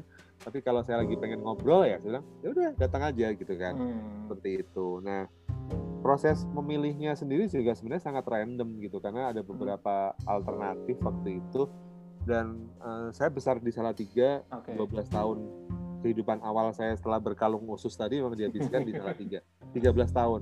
Oke. Okay. Jadi saya selalu iri dengan orang-orang yang yang punya hometown dan mereka bisa bisa lahir eh, sekolah kerja meninggal di kota yang sama dan saya selalu iri saya saya saya bukan orang yang seperti itu karena saya selalu berpindah-pindah jadi hmm. jadi waktu saya berpikir saya pengen seperti itu dan saya pengen tinggal di kota kecil karena saya iri dengan uh, arsitek-arsitek besar di Eropa yang hmm. yang kebanyakan dari kota kecil, kecil ya. terus saya harus memilih di mana akhirnya saya saya pilih Salatiga gitu itu itu kesadaran sih pengen tinggal di Salatiga oh iya uh, beberapa kali ke Salatiga sebelum pindah itu ibu saya selalu bilang setiap saya masuk ke apa dia bilang ya setiap saya masuk ke Salatiga mata saya berbinar-binar. Oh, oke. Okay. Ada indikasi nggak tahu ya. itu itu mungkin dibikin-bikin lah itu. Nah, nah akhirnya saya pikir uh, ya udah akhirnya saya pilih sini ada beberapa tempat pilihan gitu ya. dan tempat ini menjadi menarik karena pertama dia terpencil tapi tidak terpencil, hmm. desa tapi tidak desa. Dan tempat ini adalah tempat di mana waktu kecil dulu mungkin saya sudah pernah bermain di tempat ini oh, karena okay. uh, eh, kalau dari kota ke tempat ini uh, setiap hari hmm. walaupun sekarang nggak keluar tiap hari saya pasti akan melalui rumah masa kecil saya masih ada ah. jadi itu kayak ya dulu, memori lagi ya. Dulu kecil di sini sekarang pun akhirnya harus menghabiskan uh, semoga ya menghabiskan sisa hidup ya harus di sini juga. Itu kayak Aha. sesuatu yang keren gitu ya.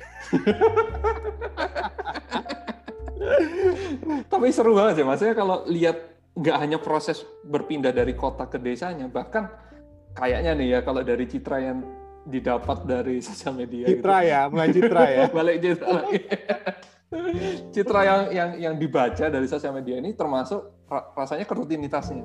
Rutinitasnya juga berubah. Jadi bukan hanya sekedar pindah ke desa, tapi rutinitasnya masih sangat kota, tapi kayak jalan pagi, foto sawah. Saya tuh selalu bermimpi untuk punya hidup yang sehat. Karena okay. uh, saya lahir bukan dari keluarga yang punya genetik cukup sehat sebenarnya.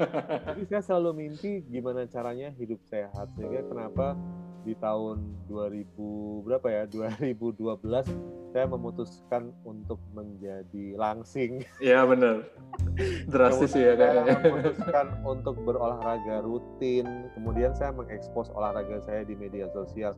Karena saya pengen sebenarnya teman-teman itu menikmati apa yang saya nikmati di samping hmm. juga saya pengen, pengen cari teman gitu ya masa ya, olahraga ya. sendiri tuh nggak ada yang nggak seru dan, dan saya pengen orang-orang tuh uh, mengalami yang saya alami gitu hmm. menjadi sehat terus olahraga tiap pagi itu efeknya tuh besar di, hmm. di hidup saya ya walaupun kadang-kadang cheating day banyak lah gitu kayak hmm. besok saya sudah berencana cheating day besok saya nggak mau jalan besok saya mau makan soto gitu ya tapi tapi uh, punya rutinitas kesehatan setiap hari itu selalu menjadi mimpi saya jadi kalau di Jakarta ya yang bisa dilakukan ya paling cuma nge-gym di pagi hari dari jam hmm. jam 7 sampai jam setengah 9 sebelum ke kantor jam 9 hmm. Nah, begitu di sini sebenarnya saya kehilangan suasana gym saya yang selalu kosong itu gitu ya. Tapi saya pikir ya masa iya gitu ya di tempat yang se sesejuk ini, udaranya sebersih ini, saya tetap harus di tempat gitu ya. Gym, gitu ya. Sehingga saya berpikir harus menciptakan rutinitas baru sehingga ya itu sekarang rutinitas baru itu mungkin sudah mulai tercapai ya. Kalau kalau ini pada pengen denger rutinitas saya ya bangun tuh jam 5 jam jam 5.30 terus itu pasti olahraga sampai jam setengah 8 sampai jam 8 habis ya, olahraganya keliling lokasi. Keliling sepeda jalan atau kalau hujan eh, saya bisa nge-gym sekarang tapi pakai pohon jadi jadi ya pohon itu bisa diapa-apain lah buat yeah. jadi gym gitu. Uh-huh. Ya walaupun efeknya mungkin tidak sebaik waktu gym. Terbukti kemarin uh, saya sudah overweight. Nah, jam 8 kemudian makan uh, makan terus jam 9 biasanya eh jam habis makan biasanya saya keliling lah ngelihat apa yang dikerjakan tukang hari ini sambil hari ini mau ngerjain apa Nah, ini abodenya kelihatan gitu. Hari ini mau ngerjain apa? Selesai apa sampai apa hari ini? di target gitu. oh, di target. Sampai sampai apa? Oke, setelah puas terus baru jam 9.30 mandi baru duduk di meja kerja di hmm. meja kerja uh, jam 12 biasanya saya berhenti makan saya dari dulu makan teratur ya makan tuh hmm. selalu jam yeah. 7 jam 12 jam 6 gitu. uh. jam 12 makan terus tidur siang itu tidur mewah ya rasanya kalau di kota jam, susah ya uh, satu jam jam satu biasanya kerja lagi uh, sampai jam 3, jam 4. Nah, biasanya kalau jam 4 saya sudah harus stop, harus stop kerja hmm. karena menurut saya nggak fair kalau saya menyia-nyiakan tempat seperti ini iya, betul. terus sampai jam 7 gitu ya. Jadi hmm. saya saya selalu berhenti jam 4. Saya jam 4 biasanya kalau nggak ada yang penting saya akan membaca di luar atau waktu masih sebelum musim hujan saya main layangan atau kadang-kadang saya ke tetangga eh, ngobrol sana sini gitu. Hmm. Terus maghrib makan jam 6 saya biasanya akan duduk lagi di meja kerja tuh jam setengah 8 hmm. 8 ya ngerjain yang nggak ada target lah kayak nulis kayak gitu-gitu uh, berkarya lah ya tetap gitu ya. berkarya setengah 8 jam 9 udah gitu susahnya ya susahnya adalah hmm. switching mindset dari biasa tinggal di kota besar kota kecil itu adalah bahwa kita terbiasa punya target hmm. kita terbiasa bahwa hidup yang benar itu harus produktif oh, nah okay. mengubah mindset itu susah gitu ya hmm. karena kadang-kadang uh, ya apalagi sekarang sering baca mindfulness dan sebagainya hmm. kadang-kadang justru malah malah pada saat kita tidak produktif itulah kita bisa punya waktu untuk our mind gitu ya untuk untuk tubuh, gitu ya. untuk tubuh kita untuk diri kita sementara kan orang orang kota besar kalau ada waktu buat bengong langsung merasa berdosa kan yeah, bengong lima bengong 15 menit langsung terbuang rasanya waktunya kok, gitu. kok nggak ngapa-ngapain gitu nggak ngapa-ngapain gitu ya? Nah, Termasuk... itu, itu sekarang sudah mulai sudah mulai bisa saya atasi sih. Okay. jadi tadi saya bilang saya jam 4 sampai jam 7 boleh nggak produktif gitu ya mau ngerjain hal-hal yang yang cemen lah yang yang nah itu menarik sih kadang-kadang kita melihat hal sekarang saya ngerti loh kenapa Pak Eko Pramoto ya itulah menghabiskan waktunya untuk memotret hal-hal kecil dan iya. pandemi membuat saya mengerti mindset itu gitu hmm. saya mulai memperhatikan hal-hal kecil yang selama ini kayak luput dari dari perhatian saya karena dulu kalau di Jakarta misalnya ya hari ini saya melihat ini kok ada uh, apa namanya engsel yang agak miring gitu ya dan itu hmm. biasanya sampai dua tahun ke depan engselnya akan miring terus itu itu itu orang kota besar seperti itu. Nah sekarang misalnya ini engselnya agak miring ya gitu. Terus besok pasti akan ada upaya untuk Betul. membetulkan ya, engsel lebih banyak mainannya gitu ya rasanya kalau iya kan gitu ya itu itu itu hal-hal yang yang yang inilah yang akhirnya memberi apa dimensi baru memberi dimensi baru dalam memandang sesuatu.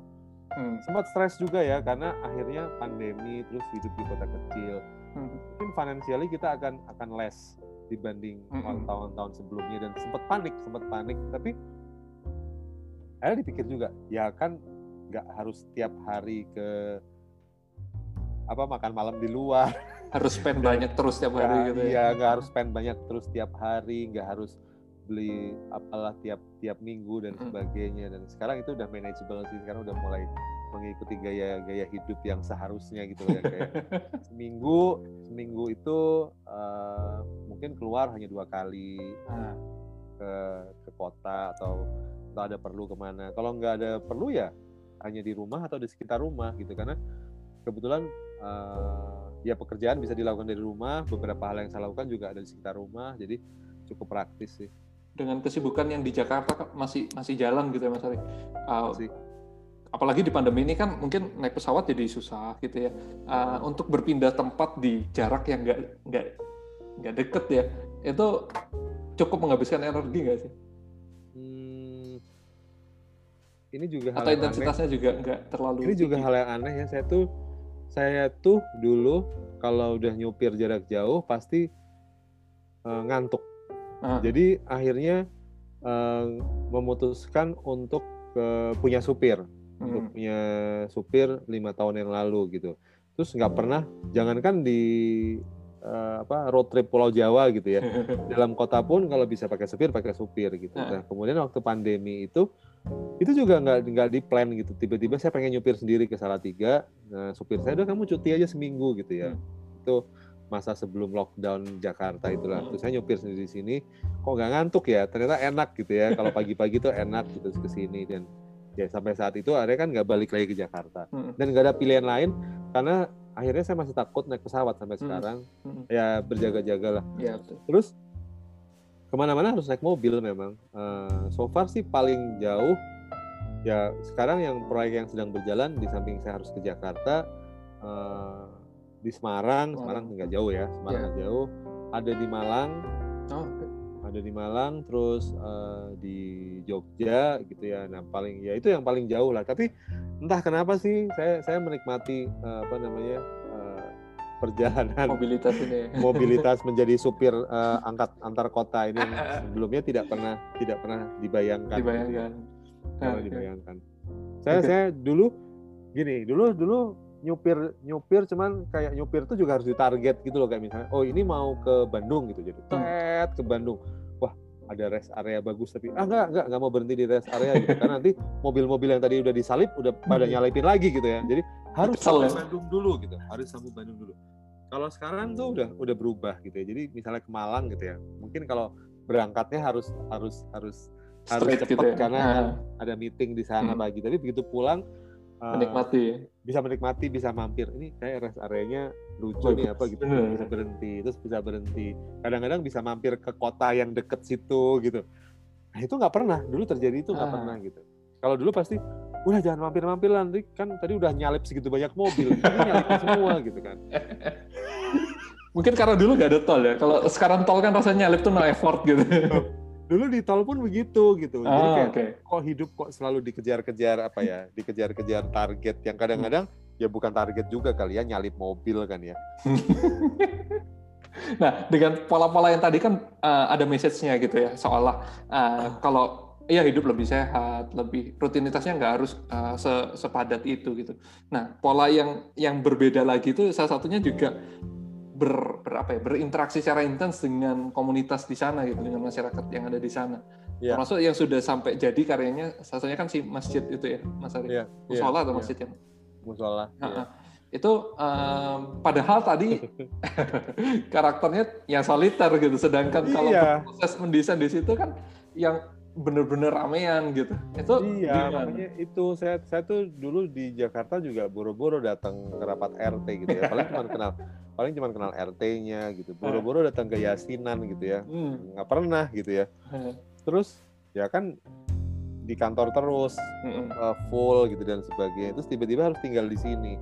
Harus tinggal di sini yang kalau misalnya lagi, ada rapat RT terus orang jalan rame-rame di depan rumah gitu. Pertama juga nggak, ah udahlah gitu. Tapi lama-lama Kok menarik ya? kayaknya asik ya pengen ikut kok kayaknya asik ya pengen ikut gitu ya apa sih yang diobrolin gitu ya akhirnya terus gabung ya walaupun saya kenal saya sebelum pindah saya udah kenal sama semua orang di sini Hmm. tapi awalnya saya nggak nggak merasa terlalu perlu untuk ikut gitu ya tapi sekarang rapat RT saya usahakan saya ikut Hmm. gitu ya karena di situ saya bisa bisa apa Berkarya. namanya mengerti gosip-gosip terkini. Oh, oke. ya mengerti gosip-gosip terkini tentang tentang orang-orang orang-orang di sini gitu. Kalau yasinan kadang-kadang ikut kadang-kadang enggak. Biasanya kalau nggak masak saya ikut karena Ah. biasanya ada makanan. Ada makanan. Setiap rabu setiap rabu malam kamis. Hari ini harusnya hari ini. Tapi hari ini Hmm. karena saya saya ada makanan jadi saya nggak ikut. Orangnya praktis kok. Jadi akhirnya memang terus orang-orang juga bingung melihat hah sekarang ikut rapat RT pak gitu iya seru loh gitu kayak maksudnya ya saya saya gini loh saya saya kepengen eh, orang-orang itu memandang saya bagian dari mereka gitu Hmm. jadi kalau akhirnya saya di rumah terus ya gimana jadi bagian mereka paling nggak Benar. mereka kenal saya saya kenal mereka terus nggak nggak manggil pak bos gitu ya jadi saya bilang waktu itu waktu musola selesai Ah. saya serahkan terus saya bilang saya mau mulai hari ini saya nggak mau dipanggil pak bos saya bilang begitu. Jadi dan itu memang akhirnya menjadi katalis sih akhirnya setelah jadi gitu ya orang-orang banyak yang kenal saya terus saya saya di, saya udah dianggap sama lah gitu kayak udah Nah, udah boleh mulai nyeletuk baur gitu ya. di grup udah mulai nyeletuk nyeletuk di grup RT gitu ya kan orang sini kan semuanya WA kan ramah gitu. Terus Hmm. udah mulai saya perkenalkan dengan stiker-stiker yang agak jorok-jorok kayak gitu. Ya kan kalau kalau di desa kan kalau orang umur udah menjelang 50 tahun kan semakin banyak menghabiskan waktunya pasti kalau nggak di musola ya di rumah gitu. Sementara kan kalau saya kan ya masih pecicilan masih Hmm. masih bikin ini bikin itu ya. Saya pengen ini aja sih mereka punya punya. Kan saya mengambil perspektif lain dari hidup mereka. Mereka juga harus lihat perspektif kita gitu lain dari hidup saya gitu Ah. Kayak misalnya eh, saya eh, banyak teman yang mengunjungi ke sini teman-teman saya tiba-tiba bawa hewan piaraannya dan dan sebagainya itu kan sesuatu hal yang yang yang tidak tidak umum ya dulu di sini ya Eh, tapi akhirnya mereka menerima ya nggak tahu pura-pura menerima atau menerima tapi ya saya merasa eh, saya semakin nyaman sih di Hmm. di sini gitu. Eh, saya dulu berpikir hidup di desa itu orangnya pasti akan too close gitu ya sehingga Hmm. mereka pasti akan kayak pengen tahu hidup kita dan sebagainya. Karena kan diajarin sama Pak Eko sebenarnya. Pak Eko itu Ah, bilang bahwa kalau orang di desa itu mereka tidak punya sense of territory. Jadi mereka Hmm. bisa masuk ke rumah orang bisa duduk di Bener. rumah orang. Benar kan? Seperti level itu. private-nya tuh sebenarnya dulu ketakutan saya tuh itu gitu ketakutan hmm. saya itu. Tapi saya saya berusaha memecahkan ketakutan saya itu dengan dengan arsitektur Jadi, tetap harus ada pintu harus ada gerbang dan walaupun gerbangnya tidak pernah terkunci gitu hmm. ya ya itu bisa lah men menditer uh, ketakutan-ketakutan saya itu tanpa menjauhkan diri dari mereka jadi sebelum saya bikin pagar juga saya, saya hmm. minta izin saya nggak apa-apa ya saya bikin pagar soalnya nanti teman-teman saya ke sini kan kalau kalau berisik dan sebagainya gitu. Oke, okay, kayak dua spesies yang berbeda gitu ya, padahal kan sama aja. Iya kan, padahal kan sama kan. nah proses desain si masjid ini kan sendiri rasanya nggak nggak sama sama pola yang dipakai di saya Bodai gitu. Uh, banyak iya. involve community juga kan rasanya banyak uh, yeah, yeah. tarik pendapat dari mereka untuk kemudian diterjemahkan dalam desain uh, me menemukan hal yang barukah atau mimpi-mimpi yang tadi proyek-proyek yang bisa nggak di pola desain yang ini itu atau di proses desain yang ini itu tercapai salah satunya di, di masjid ini? Hmm, belum ya, saya juga melihat masjid itu sekarang juga saya masih nggak puas gitu loh kayak, aneh kan? Ya tapi tapi saya uh, banyak hal yang saya peroleh sih jadi jadi waktu saya membangun itu saya semakin dekat dengan tetangga-tetangga saya hmm. saya semakin semakin mengerti menyatu bagaimana mereka, gitu ya? menyatu enggak enggak menyatu saya mengerti uh, dengan siap dengan siapa saya harus berbicara pada saat saya perlu berbicara apa gitu karena nggak banyak kok orangnya di sini cuma 40 orang ya hmm. satu RT satu jalan ini 40 orang dan dan mereka terdiri dari beberapa pola yang sudah saya mapping setelah setelah membuat musola itu sehingga sekarang saya tahu uh, kapan dan siapa untuk masalah apa yang tepat gitulah. Uh. Jadi sebenarnya yang saya ambil sebenarnya itunya. Kalau proses berarsitektur sih sama ya ya. Ya pasti presentasi ke klien terus mereka masih masih nggak cocok terus perdebatan sana sini dan dan sebagainya sama lah. Hmm. Menurut saya hasil yang seperti ini juga bisa diperoleh dengan proyek Abode juga bisa. Walaupun kalau mau dibilang beda, di sini akhirnya saya tahu gimana caranya mem, mem, mempersiapkan uh, apa namanya uh, pembersihan buat beton. kan nggak enak ya. Hmm. Jadi mereka tuh uh, biasanya pulang kerja jam jam 4 sore habis ah. istirahat, biasanya mereka jam 8 mereka kerja bakti gitu. Hmm. Rumah saya terlalu dekat untuk tidak ikut kerja bakti. Jadi kadang-kadang saya nongol ke sana untuk cuman say hi, terus lama-lama saya juga jadi penasaran gimana sih caranya bikin bikin apa namanya, bikin besi dan sebagainya gitu, ikutan, terus ngaduk. Nah, arsitek mana ada yang bisa ngaduk ada. campuran semen dan sebagainya. Saya saya saya saya, saya belajar itu ya gitulah. Nah, walaupun walaupun cuman sekedar biar store muka, karena mereka sebenarnya juga sungkan gitu udah pak nggak usah nggak usah bantuin dong. Bapak kan sudah ini dan sebagainya gitu. Uh. tapi ya tetap saya sana ini apa namanya uh, berusaha untuk lihat. Karena kadang-kadang kalau saya semakin sering, saya saya merasa semakin sering saya kenal semakin cepat jadi.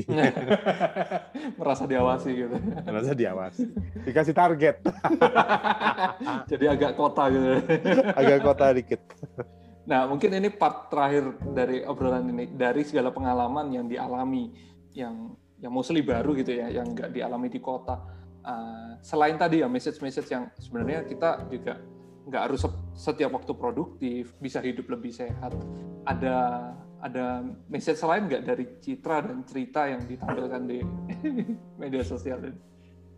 Sebagai seorang arsitek tentunya yang menginfo. Gini gini, saya tuh di sini akhirnya membuat saya sadar bahwa ya kebetulan profesi saya arsitek ya mungkin kalau saya dokter saya juga akan berpikir hal sama kadang-kadang kita kadang-kadang saya berpikir too much tentang profesi saya gitu loh bahwa hmm. ternyata hidup saya itu ada dimensi lain yang juga harus di maintain gitu kayak hmm. kayak kayak uh, kesehatan hubungan dengan teman ini klise ya ini hmm. klise hmm. Hmm. tapi pada saat kita punya banyak waktu untuk berpikir itu menjadi hal yang penting gitu. Hmm. Saya pikir kenapa sih selama ini saya menganggap kayak profesi saya itu penting banget, paling penting di seluruh dunia gitu ya. Ya kan? Padahal hmm. begitu ketemu dengan orang-orang sini bikin musola gitu. Nggak penting gitu arsitek nggak ada arsitek juga bisa aja. Nggak nggak ada arsitek nggak ya ya juga bisa juga wa- walaupun mungkin bentuknya nggak seperti itu gitu kan ya. Ya, ya. Enggak, profesi kita tuh ternyata hanya se se se apa ya seujung jari aja dari dari dari semua aspek kehidupan. Widih keren ya. Dari semua aspek kehidupan. Jadi alangkah sayangnya kalau kita kayak terlalu gitu ya. mengunci diri kita di situ dan kemudian eh, menutup hal-hal lain yang yang bisa masuk sebenarnya.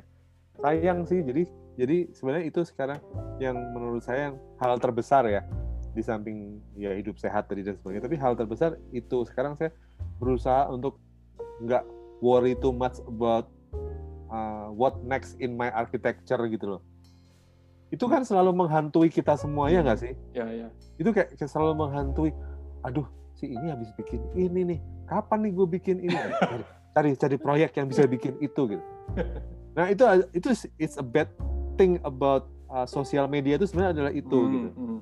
nah uh, justru di sini saya membuka kembali sosial media saya. Saya kayak berusaha membenturkan itu semua supaya saya berpikir itu gitu ya? Bisa nggak ya saya tetap melihat itu semua as an enjoyment Hmm. untuk untuk untuk untuk hal yang yang saya sukai kehidupan saya tapi hidup saya sendiri saya nggak boleh di apa namanya nggak boleh diperbudak dengan dalam tanda kutip ya Mhm. diperbudak dengan itu karena sebenarnya saya itu mempraktekkan untuk tidak diperbudak dengan benda itu udah cukup lama ya Hmm. contohnya saya kalau punya mobil saya nggak pernah terlalu peduli mobil saya mau ke baret mobil saya mau ada noda dan sebagainya mobil itu untuk dipakai seberapa Hmm. mahalnya mobil itu adalah untuk dipakai gitu ya Hmm. bukan buat terus kita khawatir terus kita kayak wah ini harus ditambah aksesori ini dan sebagainya. Bukan gitu ya.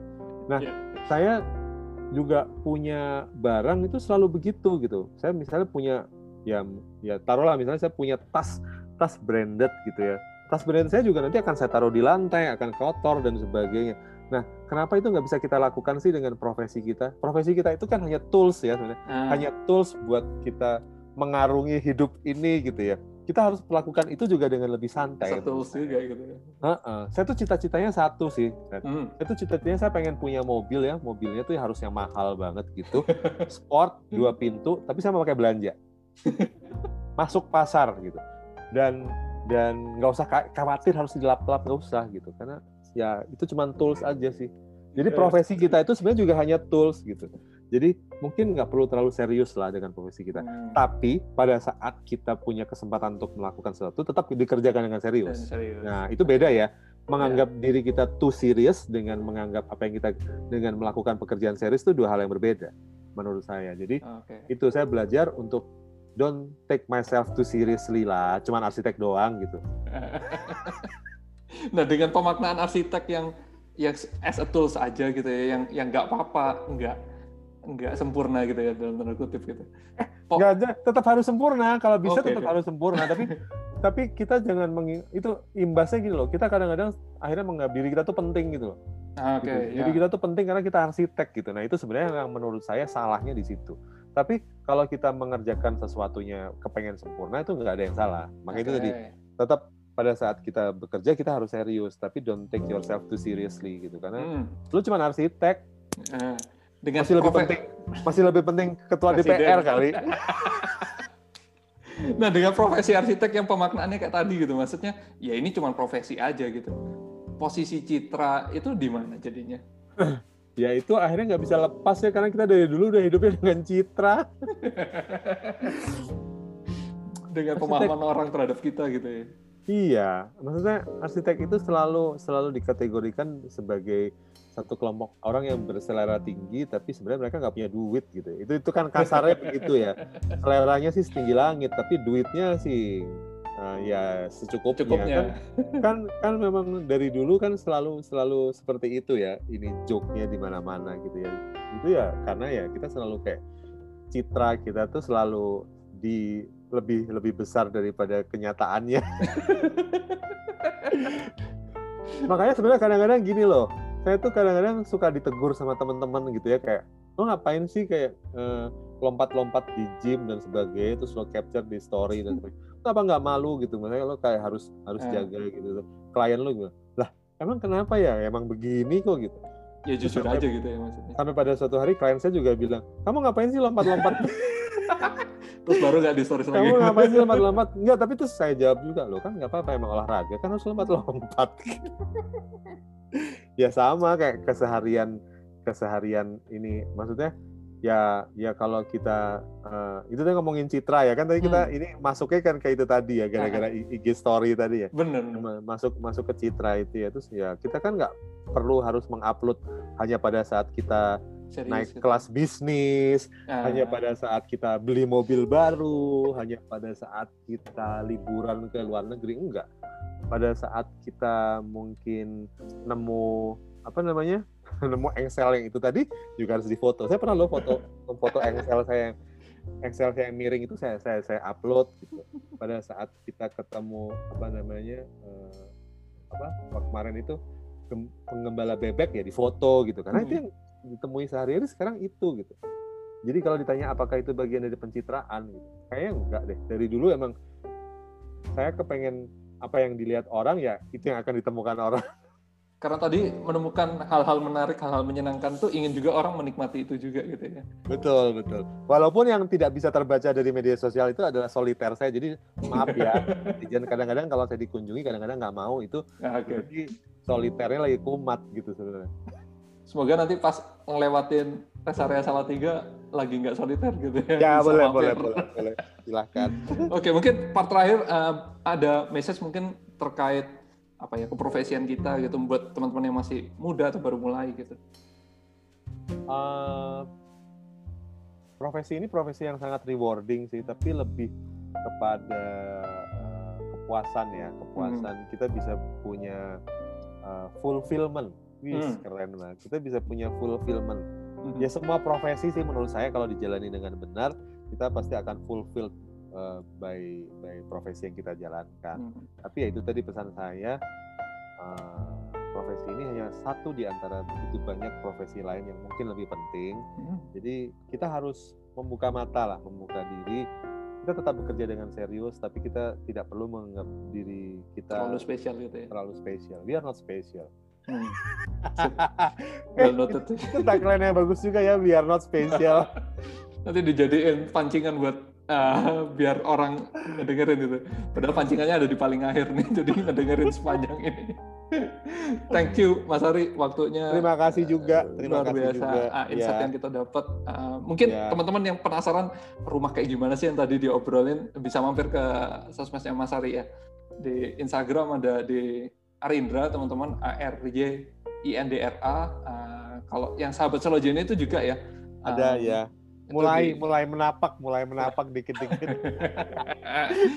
itu di Instagram juga ada di sahabat Selojene nyambung ya. Ah, mungkin teman-teman yang yang tertarik ah, pengen tahu secara visual gitu ya karena format kita audio bisa mampir ke Instagram itu juga. Oke, eh, thanks a lot Mas Ari waktunya. Terima kasih Sehat-sehat selalu. Ah, ya, Kalau ada kesempatan mungkin nanti izin Silakan mampir, mampir. juga ke sana. Ya. Terima Ya. kasih. oke. Oke. Teman- Teman-teman kita sampai di akhir obrolan ini. Ah, sampai ketemu di episode yang lain lagi. Terima kasih.